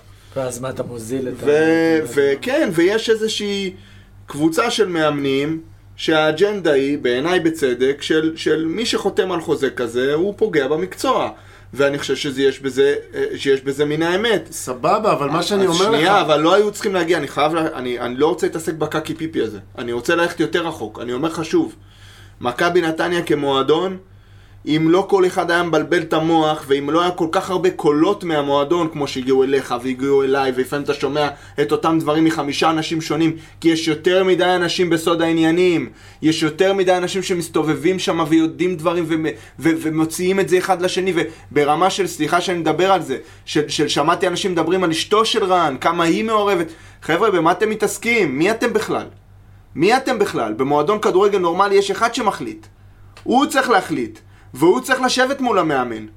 עכשיו תחשוב על הסיטואציה של מול אייל הסוכן שנייה. של המאמן. מול הסוכן של אני מסכים איתך דרך אגב. כן. תחשוב, תחשוב שיש סיטואציה שבה אה, אה, אייל לא יושב מול רן, גיל לב יושב מול רן, רן יודע שגיל לב מדבר מהפה של אייל. אבל ככה זה. הוא שנייה, אחרי זה הוא רואה, זה. שנייה, אחרי זה הוא רואה את אייל במסדרון, והם באהלן אבל יש מתח. כי יודעים שזה ויודעים שזה, ואייל יודע מה היה בפגישה עם גיל, וגיל יודע מה אייל רוצה, ואייל יודע מה רן רוצה. אבל ככה זה עובד, זה לופ אתה תקשיב, טועה. אבל תקשיב, כל זמן שאתה מורח את זה, ולא מקבל החלטה שנייה, נשמה. רגע, שנייה, זה עובד במכבי נתניה. לא. זה לא אמור לעבוד ככה. לא. אמור להיות בן אדם אחד שידפוק על השולחן ויגיד, חבר'ה, יש פה מועדון מכובד, עם חמש אליפויות, עם קהל אוהדים גדול, אנחנו מקום שישי בארץ בקהל, ראיתי טבלה השבוע, אנחנו קרובים מאוד ל... ל... אה, לבאר שבע מעלינו בפארק של איזה 40 אלף איש שנתי. אנחנו עושים מספרים מאוד יפים, אנחנו מועדון עם קהל ועם היסטוריה. אנחנו מועדון מכובד בכדורגל הישראלי. אנחנו יכולים לעשות עוד שתיים וחצי צעדים כדי להיות גם קנדידטים על תארים, ולא איזה גביע פעם בשלוש שנים ואחרי זה לבכות ארבעה ימים, סבבה? מכבי נתניה צריכה להתנהל אחרת. השכונה הזאת נגמרה, ימי. אשר, שנייה, ימי אשר אלון ודובה ללנד וכל ימי השותפויות וקובי בלדב וגיל לב, הימים האלה תמו מהעולם. אוקיי. נתניה רוצה להיות במקום אחר, קחו אותנו למקום אחר, תוציאו אותנו מהשכונה. אוקיי, אני ממש השתדלתי, ראית שהתאפקתי, כן. כי אמרנו אנחנו לא נצעק אחד על השני היום. אני לא צועק עליך. לא, לא, אני, אני לא רציתי לצעוק עליך. אל תצעק, אני מדבר. למה? אבל למה? כי אתה פשוט אומר דברים שהם לא מתבצעים ככה בפועל. אוקיי. מה, מה שאתה תיארת זה בדיוק מה שצריך להיות. זאת אומרת, גיל לב, לצורך העניין, במקרה הזה, שהוא נכנס למשא ומתן, זה לא אמור להיות מול רן, אוקיי? אבל זה אמור להיות מול סוכן. אבל כשהוא נכנס למשא ומתן מול מישהו, גיל לב צריך להיות הצינור, ש... זה תפקידו. אייל סגל בא לגיל, ככה זה מתנהל, שתדע, ולא רק באייל סגל, בכל הקבוצות. בעל הבית בא ואומר לגיל לב, לצורך העניין, סגור לי בבקשה את רן לשנה פלוס שנה. לפני שגיל צא היה... לדרך. ניב עשה את זה בעצם. ניב, לא משנה, ו- ובקבוצות אחרות זה אנשים אחרים, אם זה ברק יצחקי, ואם זה, לא יודע, כל אחד בתפקיד שלו. אז, אה, אז התפקיד של, אה, של אותו מנכ"ל, או אותו מי שמנהל אה, את המשא ומתן, זה בדיוק התפקיד הזה. בא אליו הבעלים, אומר לו, אני, אני, המטרה שלי, שנה פלוס שנה. זה המטרה שלי. צא לדרך. ואז בא גיל לב, עכשיו כל הצדדים, כולל המאמן, יודעים את ה... המשחק הזה הוא משחק ידוע בכדורגל. הנה, קובי מהנהן ומאשר את מה שאני אומר, כי אנחנו עברנו את זה. וזה בסדר, ככה זה צריך להיות. והצד השני שבא למשא ומתן, כשגיל לב מנהל איתו את המשא ומתן, ברור לו שזה מה ש... שהוא, שהוא שופר של אייל, כי ככה זה צריך להיות, זה תפקידו של גיל לב. הוא צריך להשיג לאייל את החוזה שאייל מעוניין בו. אז בוא. אוקיי? בא, רגע, בא הצד השני, במ- זה אמור להיות הסוכן, רן עשה טעות, זה אמור להיות הסוכן, ובא הסוכן ואומר, אוקיי, אני מבין מה אתה אומר לי, אני רוצה ככה וככה. ועכשיו לגיל לב, או למי שזה לא יהיה, יש את סל הכלים שלו, שהוחלט גם הוא מראש מול הבעלים, על מה אנחנו כן הולכים להתפשר, על מה אנחנו לא הולכים להתפשר. המשחק הוא ידוע לכל הכיוונים, אוקיי? ואם מגיעים למצב שאין, אה, שאומרים, אוקיי, dead end, אז אה, אותו גיל לב הולך לבעלים שלו, ואותו דודו דהן הולך למאמן שלו, לזה שהוא מייצג אותו, ואומר, תשמע, יש בעיה, הוא לא מוכן ככה אבל וככה. פה אין לנו ויכוח, על כל מה שאמרת אני מסכים איתך. לא, כי אתה אומר, זה לא. לא בסדר, שהוא זה, אני אסביר לך מה לא יודע בסדר. שמה שגיל לב אמר זה לא. אייל, ואז יש מתח, אבל ברור תיארתי שזה לך, ככה. אני תיארתי לך מה שקורה במסדרון, מבלי להיות במסדרון. עכשיו אני רוצה להגיד לך משהו. יש פה עוד נקודה שאנחנו לא מתייחסים אליה. אם יש מנהל מקצועי למועדון כדורגל מכבי נתניה, אלמוג כהן צריך לבוא ל, אה, ל, למנכ"ל, או לגיל לב, שלא ברור מה הוא שונה מהמנכ"ל, ואני אגיד את זה בפעם האלף, כי אני לא מבין למה קבוצת כדורגל צריכה שני מנכ"לים. אה, בטח אחד עם היסטוריה במועדון, ואני לא ארחיב. אה, המנהל המקצועי צריך לבוא ולהגיד, חבר'ה, אני כמנהל מקצועי רוצה תחתיי את רן קוז'וק לעוד עונה. ברור. רס בן אמו, אני רוצה את רן קוז'וק. אני, מוכ... אני חושב שזה כמו שהוא ילך עכשיו ויביא מגן שמאלי והוא יודע שיש לו תקציב של 200 אלף דולר. אייל סגל או גיל לב או, או טל שגב לא צריכים להתערב לו אם הוא הביא שחקן ב-190 או ב-200. נתנו לו 200, הוא יכול להביא ב-200. אותו דבר כאן, שנייה. אותו דבר כאן, הוא רוצה את רן קוז'וק, אדוני, זה התקציב שלך למאמן, רן, אני רוצה אותך, יש לי תקציב, אני במדיניות שלי, רן, מביא אותך לשנה, יש לך חוזה לשנה, זה מה הגדירו לי מקצועית, וזה מה ש... תקציבית, זה מה שאני רוצה מקצועית, אתה תעבוד תחתיי, אני המנהל המקצועי. מפה צריך להתחיל. עכשיו, אני לא יודע איך זה התחיל, ואני לא יודע איך זה יתגלגל לאן שזה יתגלגל. אני רק יודע, וזה מתקשר לכל מה שאמרתי קודם, שחלילה לא תבינו, כל דבר שאני אומר זה על דעתי, אני לא יודע כלום ממה שקורה במכבי נתניה, אני גם לא רוצה לדעת. אני רק שומע את הדברים מאלף ואחת פיות. וכשאתה שומע שהדברים מתנהלים א', ב', ג', ד', מאלף ואחת פיות, וברוב רוב, רוב המקרים הפיות מדברות את אותו קול, אז אתה מבין שיותר מדי אנשים מתעסקים בזה, יותר מדי אנשים מדברים על זה, יותר מדי אנשים בוחשים בזה, וזה מייצר אנרגיה לא טובה. הכל. הרמת לי להנחתה. כן. בסדר, עזבו עכשיו חוזה, שנה, שנתיים, אופציה, סעיף, עזבו הכל בצד. האם מכבי נתניה, נכון להיום, רוצה את רן קוז'ו כמאמן לעונה אז אני הבאה? אענה לך, ו- וזה בהמשך למה שהוא אמר. אלמוג כהן רוצה את רן קוז'וק. אם אלמוג כהן לא היה רוצה את רן קוז'וק, רן קוז'וק כבר מזמן לא שם. שאלה אם מכבי נתניה רוצה את אלמוג מה- כהן. רגע, רגע. אלמוג כהן מתעקש שלמרות מה שהפאולים, נקרא לזה, שעשה רן קוז'וק, הוא רוצה אותו הוא, לעונה הבאה. הוא חושב שהוא צריך להיות המאמן. הוא רוצה אותו לעונה הבאה.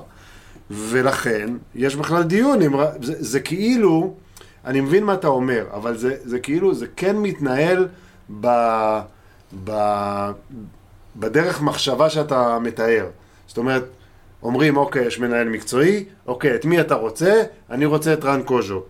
רן קוז'וק, יש uh, bad feelings על מה שהוא עשה במהלך המשא ומתן הזה, ועדיין למרות זאת, בא הבעלים של מכבי נתניה ואומר, אוקיי, אם אתה המנהל המקצועי ואתה רוצה את רן קוז'וק, אני לא אהבתי הרבה דברים שקרו לאחרונה, וזו זכותו, להביע דעתו ולהגיד שהוא לא אוהב דברים שקרו, אבל אם אתה מתעקש על רן קוז'וק, אוקיי, בוא ניכנס למשא ומתן על רן קוז'וק. וזה מה שקורה. יש משא ומתן, שכרגע הוא לא מוצלח, וכרגע מנסים להחיות אותו, אחרי החג, והמשא ומתן הוא לזה שרן קוז'וק יהיה המאמן. לא ענית לי על השאלה. אתה גם לא ענית לי על השאלה. האם מכבי נתניה רוצה את אלמוג כהן? מה אתה רוצה שאני אענה לך? אני לא יודע. אני מכבי נתניה? אני אומר לך, יכול להיות שמה שהיה בתקופת בני, כל תקופת הלא מדברים, כן מדברים, כן תקשורת, לא תקשורת, עד שהתחילו לנצח, עכשיו לא מנצחים, יכול להיות ששוב, החבר'ה לא רוצים להיות ביחד. אני אזכיר לך שבזמנו אני אמרתי לך שאני לא הייתי שם את הכסף שלי על זה שאלמוג כהן ימשיך במכבי נתניה. אה, אני חושב שמאז השתנו הדברים, ואני לא רואה אה, אופציה ש... שאלמוג כהן אה, לא ממשיך במכבי נתניה כמנהל מקצועי. אני לא רואה את זה קורה, כמובן שזה זה דינמי. כן? אתם לא, אתם לא מרגישים וייבים של ריימונד? שעמד במטרות, שאייל לא רוצה וכל היתר כן רוצים. כן. אני בטוח בזה. אני אומר לך גם, אייל הוא בעלים מאוד דומיננטי, הוא יכול להגיד עד מחר שלא, ואני לא מדבר, וכן, ו- זה, אתה יודע, זה, זה סבבה למי ש... מי שקורא את זה או מקשיב לזה ועושה כן עם הראש, יהיה לו לבריאות, זה לא ככה, חבר'ה. הוא מעורב מאוד, למיטב הבנתי, הוא יודע על כל דבר שקורה, וגם הוא מביע את דעתו, וזה בסדר, הוא בעל הבית, וזה זכותו. אז אני שאלתי, השאלה הייתה כזאת, אני אזכיר לכם, אה, כי נחזור. אנחנו מטבענו מתפזרים.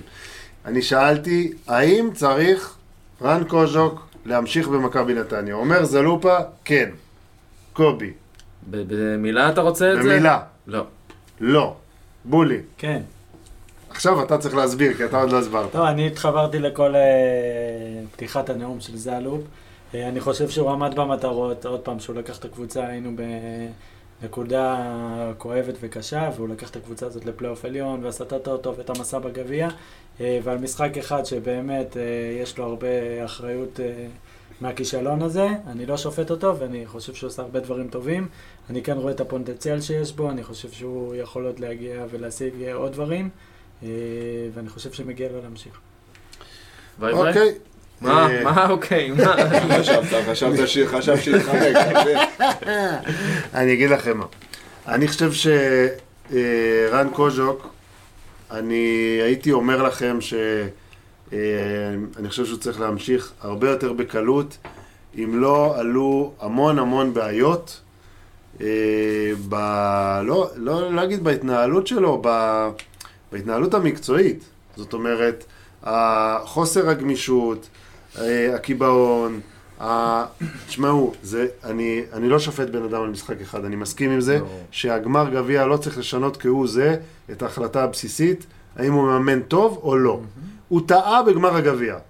הוא טעה בגדול והוא הפסיד את גמר הגביע. זה עליו. אה, אני חושב שבסוף, אם אני כאילו צריך לנתח את זה קר, זלופה אמר קיבל גופה, קיבל קבוצה מתחת לקו האדום, הציבו לו מטרות, ודיברנו על זה גם פעם פה. אמרנו, אם, היה, אם היינו אומרים לכם, חוזה מתחדש אוטומטית, ברור. אם הוא מציל אותנו מירידה, עושה פלייאוף עליון, נגיד זה ההתניה, שעושה פלייאוף עליון. אז הוא גם עשה פלייאוף עליון, וגם uh, לקח את uh, גביע הטוטו. הגיע לגמר גביע המדינה, חרבן במכנסיים בגמר גביע המדינה, אבל הגיע לשם. וניצח בדרך את מכבי חיפה. הקבוצה נראית לא טוב, אני מתחבר למה שזלופה אומר, שיש גם בעיה בסגל השחקנים, וגם קוסם צריך שיהיה לו אביזרים כדי לעשות הקסם, אוקיי? אני לא חושב שרן קוסם, אני חושב שרן הוא טירון, אני חושב שיש לו הרבה מה ללמוד, אני חושב שהוא צריך לשחרר מכל מיני אלמנטים של... אה, אני לא חושב שזה יהירות, אבל זה... חיפשנו את המילה. אין, אין לי עדיין את המילה. זה, זה חוסר ניסיון, זה כאילו לח- לחשוב שאתה יודע הכל, לחשוב שהתפיסה שלך תנצח את המשחק והצד השני, אה, רק תן לי אותו, אני מכסח אותו. חושב שהדברים יעבדו תמיד. כן. כאילו, שכאילו אין מתנגד ואין מישהו שבא ל... בדיוק, ו- וה... זה גם גישת מועדון, זה לא הזאת, רק הגישה שלו.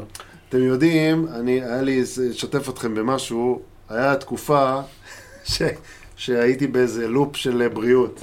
הייתי עושה הליכות, צעידות, במושב. עבר לך מהר, אה? תקשיב. גם שזקנים כבר, אתה יודע, כן, צעידות במושב, כן. זה הליכה מהירה כזאת. והייתי עושה הליכה מהירה עם איזה אה, מישהו, לא חשוב שמות, פסיכולוג במקצועו. שויה. לא, לא, לא. שהוא הפסיכיאטר. והיה לנו הרבה שיחות, תוך כדי הליכה מהירה, מתנשפים ומשוחחים וזה. ו- וסיפרתי לו שאני כילד, הוא סיפר לי שהוא ככה גדל, חוסר ביטחון וזה וזה. ואני אמרתי לו, תקשיב, אני גדלתי סופרמן. אני הייתי, כאילו, היה לי ביטחון עצמי, הייתי, אתה יודע, מקובל, הייתי שחקן כדורגל טוב, הייתי, הרגשתי שאף אחד לא יכול, ש- שאני, untouchable זה נקרא. כן. וואלה, שום דבר לא יכול עליי, מצאת את המילה, אחי. untouchable. זאת המילה שחיפשת זין שלי. או ש... בא לך, בישר, נו. מילה אחת. אחי, יש מילה אחת, עזוב אותך, מה? עכשיו, בלתי פגיע. קובי, קובי חדרה קורא לזה, הרגשתי ויי ויי, אוקיי? ו, וההרגשה הזאת שסיפרתי לו כאילו במהלך ההליכה, שהיה איזה גיל מסוים שפתאום נפל לי שאני ממש חי בסרט. שאני לא הכי חכם ולא הכי מוצלח ולא הכי מהיר ולא הכי טוב ולא הכי זה. ו, וזה בדיוק מה שאני מדבר עליו על רן. זאת אומרת, ה, צריך לצאת מה... אני מאמן חדש, מביא משהו חדש, ואני יודע יותר טוב מכל המנוסים, ואני זה, ואני זה, ואני זה. לא. תבין שאתה טירון, ונלך איתך יד ביד, ונקווה שזה יצליח. ובאמת זה נורא גם תלוי בסגל שיבנו לשנה הבאה, אנחנו ניגע בזה בפרק הבא, כי הפרק הזה כבר קצת יש לי ענייני- דיומה קטן, אתה יודע? אתה יודע שפרד פריידיי היה נכון. 80% סגור במכבי נתניה, זאת אומרת הוא היה האופציה הראשונה לפני בילנקי. ו? והיה יקר להם. אני מעדיף את בילנקי. מותר לי? אני גם. אני מאוהב בבילנקי, אבל גם ש- אני. אבל- אבל שתדע שכאילו, אתה יודע, בשביל אני, הפלפל. אני אגיד לך משהו. דיברת על התשובה שלך שהוא ממשיך, זה- זו השורה התחתונה אחרי כל כן. הסיפורים? אני אגיד לך, זה הרבה יותר קשה לי ממה שהיה, בוא נגיד, לפני חודש, חודשיים, כי ראיתי המון המון בעיות מטרידות, אבל כן, בשורה התחתונה, אם אתה שואל אותי, גם אני מסתכל מה, אתה יודע, עכשיו להתחיל להביא מאמן אחר, שהוא מחוץ למערכת, ושיסתדר עם אלמוג. אני יודע שאלמוג רוצה אותו, את רן. אני יודע שהם רוצים... תשמע, שינסו לעשות עונה, עונה הבאה, שתהיה טובה מההתחלה, שיעשו בנייה טובה, שזה... לפחות לנסות. אני חושב שזה שווה ניסיון, זה מה שאני אומר.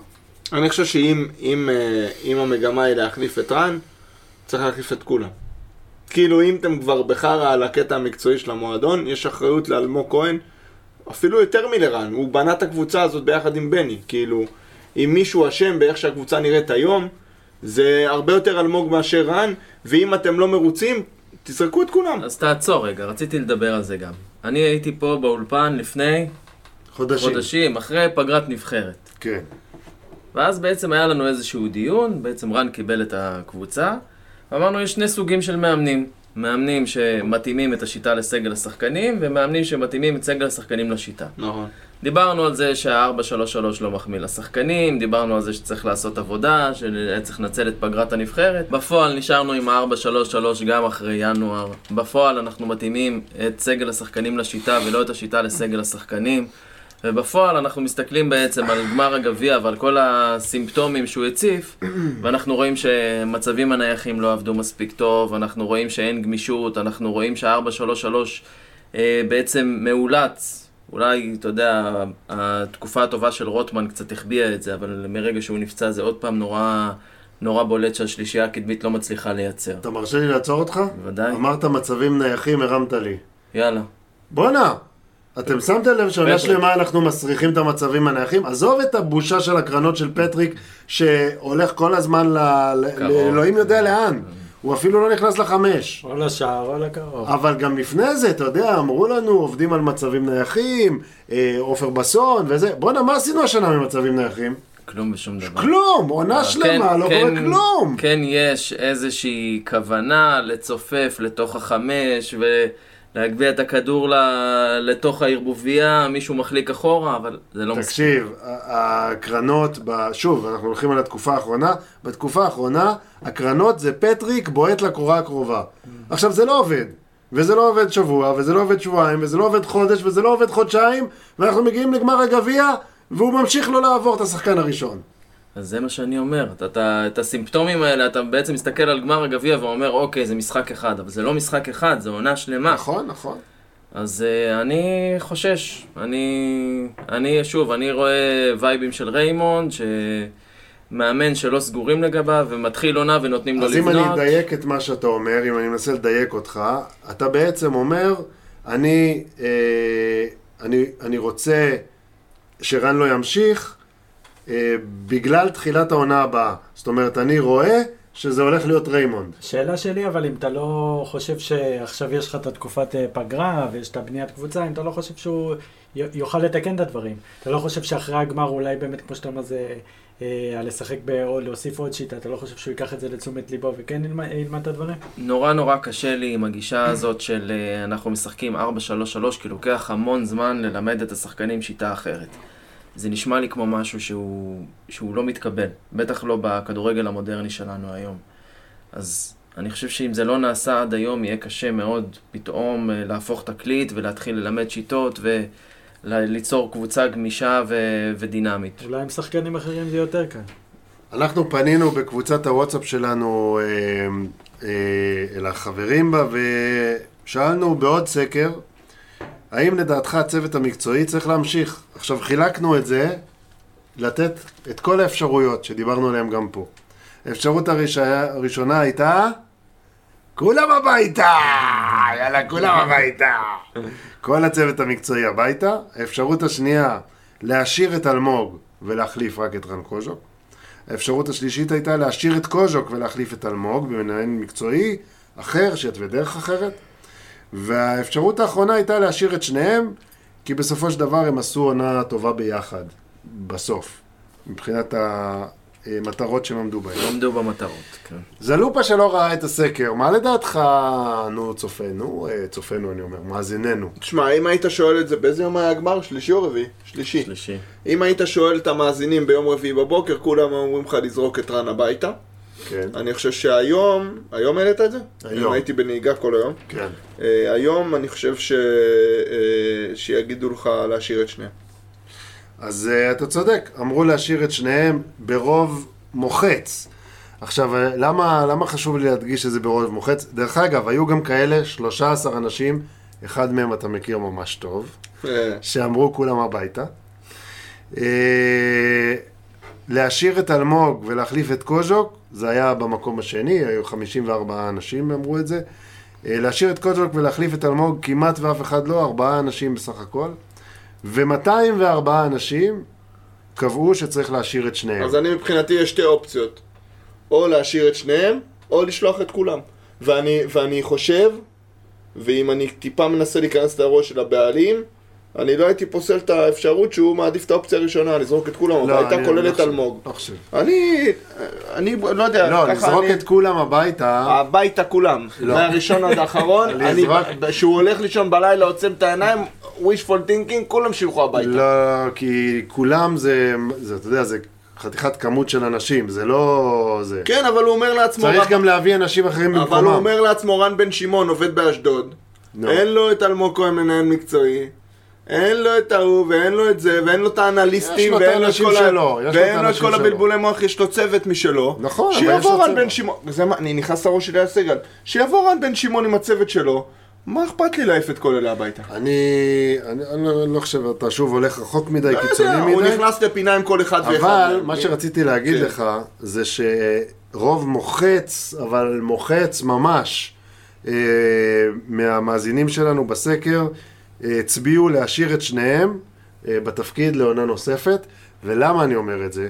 כי, אני לא יודע לגביכם, אבל אני מקבל המון המון הודעות לוואטסאפ של אנשים שאומרים לי, אתם תומכים ברן קוז'וק, אתם מלטפים את רן קוז'וק, אתם בעד רן קוז'וק, ולא משנה כמה הוא היה לא טוב וכמה הוא חרבן במכנסיים, אתם תגידו שהוא צריך להמשיך עוד עונה. אז אני רוצה להגיד שקודם כל, נכון, הנה זו דעתנו. נו, אז אמרו, קובי, אז מה? קובי, רגע, קובי חושב אחרת. למה אני רוצה להגיד את זה? כי לאותם אנשים ש, שכותבים לי את זה בוואטסאפ, הסקר הזה, הם צריכים להסתכל בו. רוב מוחץ של האנשים שהם לא אני, ולא זלופה, ולא בולי, אומרים שצריך להישאר עם שניהם, עם אלמוג כהן ורן קוז'וק, להתחיל את העונה הבאה ולראות מה קורה. ישב פה אלמוג כהן, בכיסא שלך הוא ישב, ואמר, אני היחיד בהיסטוריה של מכבי נתניה ששרד משבר עם אייל סגל. אוקיי? א', אני לא בטוח שהוא שרד אותו. לא, המשבר ההוא שרד. אני לא. יודע. שרד. תקשיב, יכול להיות שאייל אה, אה, כבר החליט, יכול להיות, ואני לא אופתע אם כולם ילכו הביתה. ולא מידיעה, מתחושה אישית בלבד שלי, ואני רוצה להגיד עוד משהו. אפשר להגיד עוד משהו? יש לנו עוד דברים בליינאפ. אה, דבר אחרון, בבקשה. דבר אחרון. אחרון ממש קצר. קצר? קצר, יאללה. למה אתה מקצר? יאללה. אנחנו נדבר על זה בפגרה. כן. אני רק אזרוק את זה, בסדר? כדי שטיפה תבינו את התהליך שאני עברתי מול עצמי בארבעה ימים האלה. קודם כל הייתי בצפון עם המשפחה, סוף שבוע, אתמול לדניאל היה חום, חגג יום הולדת אתמול ב-12 בלילה עם חום. עם חום שיניים.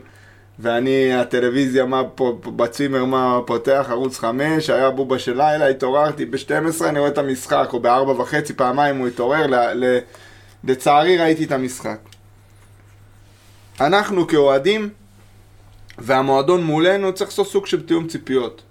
כי אם אנחנו מקבלים גמר אחת לשלוש-ארבע שנים, ועל הגמר הזה תולים את כל יהבנו ואת כל עתיד המועדון, ומה יקרה אם נזכה, וסוף סוף נחזור להיות, אנחנו חוטאים למטרה ואנחנו יורים לעצמנו ברגליים כאנשים, כאוהדים.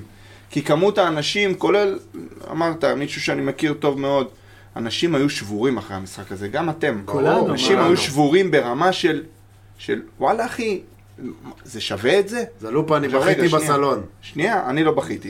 לא, הפעם לא, לא, הייתי בוכה פעם. תחושת השפלה, באמת. כן, כן, אני... היה קשה מאוד. עכשיו, אני רוצה להגיד לכם, אם אנחנו כאוהדים וכמועדון, שעוד פעם, אני אומר לכם שוב, אני לא מתבייש להגיד את זה ולא מיהירות ושחצנות, אנחנו אחרים וגדולים יותר מ-60-70% מהקבוצות במדינה, סבבה? אנחנו יכולים לחזור להיות ב-30% הטופ, אנחנו לעולם לא נהיה קטנים מהפועל חיפה, מהפועל חדרה וכולי, אנחנו לעולם לא נהיה, כי יש לנו היסטוריה ויש לנו מסה ויש לנו את הכל. כן. אבל אם אנחנו שמים את יהבנו על גמר גביע אחת לארבע שנים, שלאחריו מפרקים ובונים את הקבוצה מחדש, וכל שנתיים בונים פה ומפרקים קבוצות, ו- ו- ואנחנו לא יודעים איך נראה התקציב של מכבי נתניה, כמה כסף יש, כמה שכר שחקנים יש, מאיפה מגיע הכסף, מי שם את הכסף, אנחנו לא יודעים את הדברים האלה, ומצד שני, אנחנו שמים את כל הביצים במשחק אחד, ולאחריו אנחנו מתרסקים! אז אני מבקש, בוא נעשה תיאום ציפיות. בוא נגיד אחד לשני את האמת, אנחנו ומכבי נתניה. מכבי נתניה תגיד לנו, חבר'ה, אתם כרגע פה, בקו האפור שבין הצמרת לתחתית. פעם ב' תהיה קבוצה שתרגש אתכם. יכול להיות שזה יהיה חודש, חודש בעונה כמו העונה חודש וחצי, יכול להיות שזה העונה כמו עם ערן ודיה, שהעונה שלמה רקדנו ונהנינו. יכול להיות שזה יהיה עונה שנהיה פחות טובים ונביא הישגים. יכול להיות שנרד ליגה. אבל תצפו לזה. אל תמכרו לנו את החלום של ניצחון בגמר גביע יחזיר אותנו להיות גדולים. מי מכר וה- את החלום הזה? ואנחנו עושים, ואנחנו עושים הכל כדי לחזור להיות גדולים. מכבי נתניה לא התקדמה מילימטר, מילימטר, מהגמר גביע הקודם, היא לא התקדמה מילימטר. היא אולי יש לה יותר עוקבים בדף פייסבוק, ואולי יש לה יותר אנשים בצוות המקצועי, כי לכל הקבוצות יש, ורגע שנייה תן לסיים. ואולי יש לה יותר פוזה, ובגדים יותר יפים, הכל טוב ויפה. היא לא התקדמה מילימטר מקצועית, הקבוצה הזאת שרצה השנה ו- ו- והגיעה לגמר הגביע, תפורק בשנה הבאה, אנחנו נבנה עוד פעם קבוצה, ו- והמקסימום שהקבוצה הזאת תוכל לעשות, זה להגיע לגמר גביע, ולפוצץ לנו את הכל בפנים שוב, עד שיהיה תיאום ציפיות. זלופה, נאום תציע באמת לי יפה, רק אה, מיסודו שגוי. אוקיי. למה? כי אף אחד לא תאם לך ציפיות שאנחנו הולכים להיות גדולים אחרי גמר גביע, אם ניקח אותו, אם לא ניקח אותו. אתה ישבת מה זה פה, השטויות האלה? אתה ישבת פה. שמכבי נתניה תחזור להיות לא, מכבי לא, נתניה לא, הגדולה? לא, לא, לא, אתה ישבת פה ואמרת, מה יעשה גמר גביע? כמה חשוב להיות בגמר גביע נכון. שנייה, וגמר גביע הוא המטרה של המועדון. המועדון הזה לא מתבייש להגיד שהמטרה שלו היא אליפות בנוער על חשבון לקדם שני שחקנים בקבוצה הבוגרת. המועדון הזה, בשני מקרים השנה, לפחות שני מקרים, אם לא שלושה, אם אני אפשפש, אני אסגור- אני אני אזכור עוד מקרים. הוא, הוא במקרה הטוב לא מנוהל, ובמקרה הגרוע מנוהל גרוע. בכל כך הרבה מקרים. הוא כל כך רחוק מלהפוך את הדבר הזה שיש לו פוטנציאל למועדון גדול חזרה שמתמודד על תארים אבל ולא הוא רק לא- שרגע, אבל- ולא רק לא, שמחכה, אבל אי אפשר אמרנו רגע, שלא רגע, צועקים רגע. היום, אבל אתה אבל לא... אמרנו אבל- שהיום לא צועקים. אבל אתה נושא פה אז נאום. תן לי לסיים את הנאום. וכשמנסים לענות לך, אתה אומר, אבל רגע, תן לי רגע. לסיים את הנאום, אני אתן לך לענות אתה. מדבר כבר חמש דקות. תן לי לסיים את ושטויות. הנאום. תן לי לסיים את הנאום. אוקיי. אני לא אפריע לך לענות לי, אני בבקשה. מבטיח לך. כן. קצר, אבל. אבל שיסתיים. קצר. אנחנו, לא, קצר. אני עכשיו לא זוכר מה אמרתי. עכשיו, אנחנו כבר בעוד מעט שבע דקות נאום. ואימא שלי, לא זוכר מה אמרתי עכשיו. מצוין. למה אתה לא זוכר? כי זה קשקוש בלבוש. כי מכבי נתניה, וגם על זה אנחנו דיברנו, את, כל הנאום תיאום ציפיות שלך הוא קשקוש. אנחנו אמרנו, ואני אמרתי, אתה אומר את זה כאילו שאני אומר משהו אתה אחר. אמרת, אני הגמר יביא קהל. לא, קהל הוא יביא. או יביא קהל, אם אוהדים חדשים. אם היית זוכה בגביע המדינה, היה לך היום המון אוהדים חדשים. היית זוכה, לא היה משתנה ילדים, כלום, כי ילדים, מכבי נתניה לא אתה עשתה כלום אמרת בשביל שלא להשתנות. תפריע לי. לא נתת לי לסיים. אה, בטח, אולי, גם 20 עכשיו דקות שותק. רצוף. עכשיו אני שותק. היה מה שאני אמרתי שזה גמר הגביע, יביא אוהדים חדשים, ואני ראיתי בעיניים שלי ילדים שהיו שם ביציע, שאם היית לוקח גביע, בוודאות היו הופכים להיות אוהדי מכבי נתניה, והפסדת אותם שלא לקחת את הגביע. לא אמרתי שהגביע יהפוך את נתניה חזרה לנתניה הגדולה של פעם, ואל תמציא את כל הקשקושים האלה, כי לא אמרתי אותם, אוקיי? והתיאום ציפיות שאתה מדבר עליו הוא גם לא נכון. אף אחד לא טוען, אייל סגל אומר בעצמו, ואני אומר את זה כל הזמן, שעד שלא יבוא פה איזה מיץ', מכבי נתניה היא הקבוצה הזאת שאתה אומר, לא צריך תיאום ציפיות, הציפיות ברורות. אנחנו מכבי נתניה, אנחנו לא הולכים לשום אליפות, ואנחנו לא חוזרים לימינו הגדולים, והאימפריה לא תחזור עד שלא יבוא פה מישהו כמו דניאל יאמר, או מיץ' גולדהר, שישים פה ערימה של כסף, ויכול להתחרות עם ינקלה. זה הכל. אז, אז זה לא קשור בכלל. לא... סמן לי מתי. אז. בסדר, הנה אני מסיים. זה לא קשור בכלל ל, ל, לתיאום ציפיות או לא תיאום ציפיות. זה שאתה מצפה שקבוצה תחת אייל סגל תהפוך להיות האימפריה אה, של פעם, שתחזור ותיקח אליפויות, העות'מאנית. הבעיה היא אצלך, זלופה, אוקיי. כי זה לא הולך לקרות. אני יכול לענות? רגע, בקצרה. צודק. תקשיב לו. או, אוקיי. עכשיו בקצרה, אבל באמת בקצרה. זלופה. בקצרה. יש לך דקה, אני פותח שעון. אל תפתח לי שעון, אני לא יודע לדבר עם שעון, גם ככה קודם קטעת לי את חוט המחשבה. יאללה, אוי, באמת. אתה, יש לך מנהל מקצועי, יש לך צוות מקצועי רחב, באמת, יש לך מערכת מאוד גדולה היום. אתה בונה משהו, תמיד אומרים את זה, מכבי נתניה בונה, אוקיי? מועדון שמסתכל רחוק. באה ביתר ירושלים, קבוצה שביולי או אוגוסט הייתה בליגה א', אין בה כלום, לא מערכת, ולא צוות, ולא מנהל מקצועי, ולא בעלים, איך להגיד, שנראה כמו אייל סגל, אוקיי? ומכלום מפרקת אותך שלוש בגמר הגביע, ואת כל מה שאתה בונה כתהליך שנתיים, אתה בונה פה קבוצה שנתיים, באה בית"ר ירושלים בלי כלום, עם 15,000, 16,000, צריך להגיד גם על זה, על הבושה הזאת שכל היציע המערבי היה שלהם, כן. בושה וחרפה. כל ההתאחדות אבל היה שלהם. בושה וחרפה. צילמתי את זה בטלפון. אבל אה, באה הקבוצה הזאת שהיא כלום ושום דבר לעומתך שאתה בונה. פינצ'ר ראה אותך עם הסיכה חביבי, אבל, אה, נתנה לך בראש, מקצועית אבל. מה קשור ל... תגיד לי. אבל מה זה קשור לבנייה ולקבוצה גדולה או אתה קבוצה בונה קטנה? פרויקט שנתיים, אבוקסיס במשחק. נתון פירק אותך מקצועית, לא אתה קשור בונה- לכל הדיון. אתה בונה פרויקט שנתיים, אתה בדרך, אני מסביר לך, אתה בדרך עושה טעויות על טעויות על טעויות, אני אומר לך, אתה עושה טעויות על טעויות על טעויות על טעויות. זה לא קשור למשחק הזה, סליחה. באיך שאתה בונה את הקבוצה, במי- באת מי למכור ואת מי להשאיר, בזה שאתה לא אומר את האמת כמועדון לקהל שלך, שאני אמכור שחקנים וזה בסדר, אלא נלחם כל הקיץ על קרצה ועל תורמסי ועל זיבי, ואתה נראה כמו שאתה נראה בגלל הדברים האלה, ואני אומר לך שמכבי נתניה לא התקדמה מילימטר מהגמר הקודם, ועד שמכבי נתניה לא תשנה דיסקט באמת, ועד שאתה יודע מה אפילו לצורך העניין, שאלמוג כהן הוא זה שיחליט. שאלמוג כהן יגיד, חבר'ה, אני עושה את הדבר הזה חמש שנים. אני אחרי חמש שנים מביא לכם תואר. לא טוב? הביתה. סבבה. שלוש שנים. הכל סבבה. בסדר. תן לי- שיגידו את האמת. תן לי מי לענות לך. מחליט? רגע, מי מחליט? אבל אי אפשר בלי סוף. שנייה, זהו. תן לי לסיים, קודם קטעת אותי. מי מחליט? מי מביא את הכסף? ממה בנוי התקציב? מי האנשים שמקבלים את ההחלטות? ולמי לתת את הדין? יופי. למי לבוא בתלונות? זלו. עכשיו סיימתי. זה, יו, באמת, בשעה טובה. סיימתי. זלופ, תקשיב. אלמו, לא אלמוג כהן, ולא חמש שנים של אלמוג כהן, ולא שום דבר, לא יביא לך תואר, וגם אם הוא יגיד אני אביא תואר, או אני אנסה להביא תואר, ואם לא אז אני אלך הביתה, זה בולשיט. זה קשקוש מקושקש.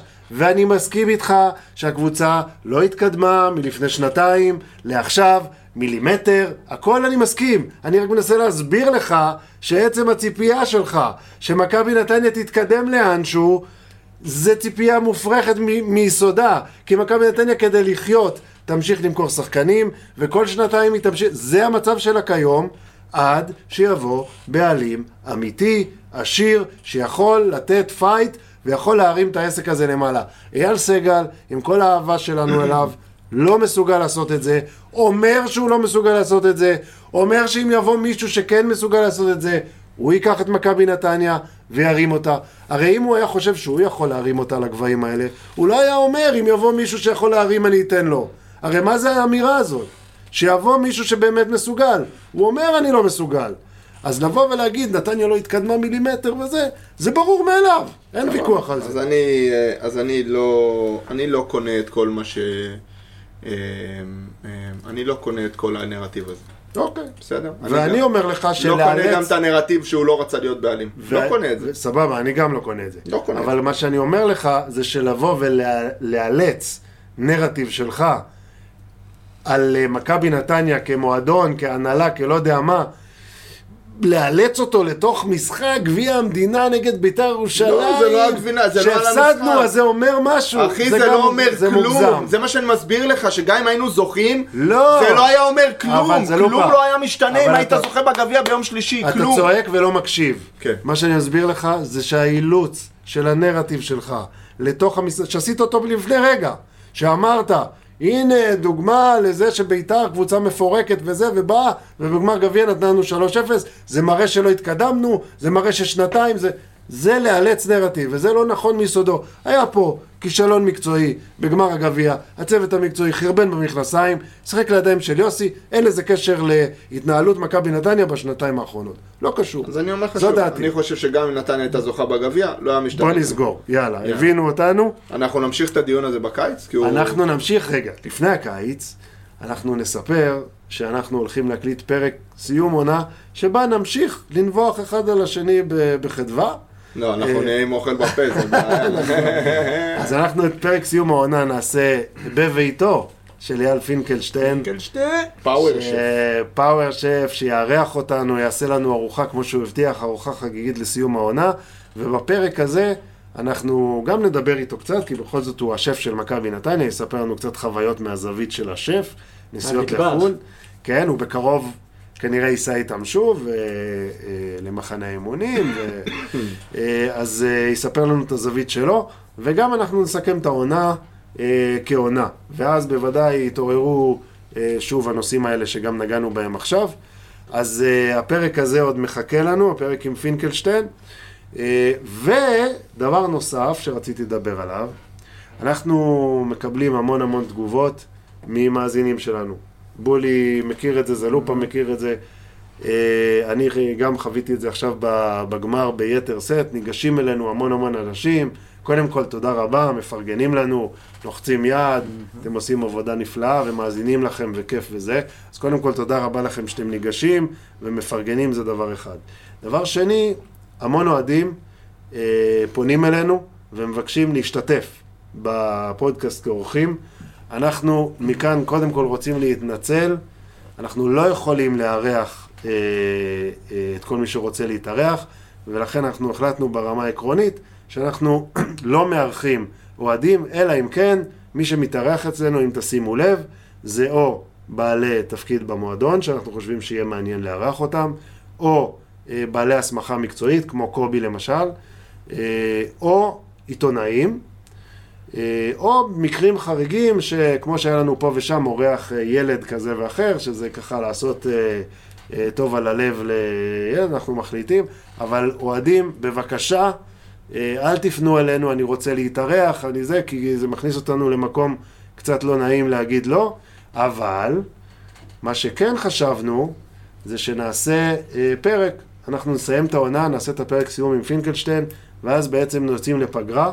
במהלך הפגרה היו לנו פרקי מגזין, כמו שאתה אוהב לקרוא להם. הרבה, הרבה דברים טובים בפגרה. אה, אנחנו גם נארח אה, אה, אורחים מעניינים, בעלי תפקידים שאנחנו חושבים שיכולים לעניין, וגם אנחנו נעשה פרק שיהיה מוקדש כולו למאזינים. זאת אומרת, כל הפרק, מי שירצה יעלה בטלפון, ידבר איתנו, ואתם יודעים, נשמע אתכם מה אתם אומרים לא רק בסקרים, אלא ממש אחד על אחד איתנו בטלפון. אז אה, שתדעו שהולך להיות פרק כזה, ואנחנו נשמח אם תשתתפו בו. ולסיום, אני רוצה להגיד תודה רבה לקובי חדרה, ש... רגע, רצית להגיד משהו, כן, גולי? יש לי עוד משהו קטן, אני רק רוצה להגיד אה, על הגמר, אה, תודה רבה לאוהדים, עוד פעם, אני הגעתי מוקדם לתת יד, רק לעזור בדגלים, אבל רציתי להגיד תודה רבה לקובי ולכל השותפים שאתה מוזמן לציין את שמם, שאני לא אשכח אף אחד, אבל שהרימו תפאורה באמת נדירה, ואם צריך לקחת משהו מהגמר הזה, אז אני לוקח את התפאורה הזאת, אה, חבל על הזמן. טוב חברים, אז באמת אני רוצה לנצל את הבמה כדי להודות לכל החברים המופלאים שטרחו ועבדו סביב השעון כדי להרים את התפאורה הזו של הגמר. לרגעים אה, מאוד מאוד מעטים זה העלה לנו קצת אה, חיוך על הפנים והתרגשות. אני לא, לא אזכיר פה שמות כדי לא לשכוח אף אחד, אבל אה, באמת תודה רבה מכל הלב אה, לחבורה של אה, לוחמים ש... עבדו סביב השעון כדי להעמיד את התפאורה הזו, תודה מכל הלב. אז אה, עכשיו תודה. תודה לקובי חדרה. עכשיו אני אודה לקובי חדרה שבא והתארח והיה איתנו כאן בפרק הארוך אך האיכותי הזה. תודה רבה לכם חברים, בפרק הבא יש אוכל, אני מוזמן או לא? בפרק הבא אתה לא מוזמן, אנחנו רוצים את כל האוכל לעצמנו. אה, תודה רבה לנדב אילוני בולי, תודה רבה. תודה רבה לדור סנדר זלופה. תודה חביבי. ותודה רבה, אנחנו נגיד גם לרימונים, נותני החסות שלנו, נגיד תודה לאופק, אה, איש המדיה שלנו, נגיד תודה למאזינים, ואני רוצה בנימה אישית אה, להגיד לכם ברגעים כל כך קשים כאלה, שאתם יודעים, אחרי אכזבה כזאת מבאסת וזה, פשוט להגיד לכם שאני אוהב אתכם, חברים שלי, זלופה, בולי, אהבה גדולה. חדרה. בסוף, בסוף היום אנחנו חוזרים הביתה ומה שנשאר לנו זה אחד את השני. זה יותר מתארים, כי תארים עוד לא ראינו, אנחנו עוד לא יודעים מה יותר טוב. החברים ליציע, או התואר שיבוא, והשמחה הזאת, שזה שעוד אנחנו לא מכירים אותה, אבל מה שבטוח זה שאחד את השני יש אחד את לנו, השני יש לנו, קבוצת תמיכה חברים, כן. קבוצת תמיכה. אז אני אוהב אתכם חבר'ה שלי. אנחנו נהנים לסבול. ביחד כבר בדיוק, 20 שנה. בדיוק.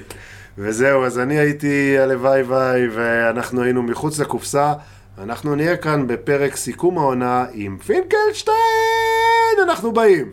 שוב חוזרת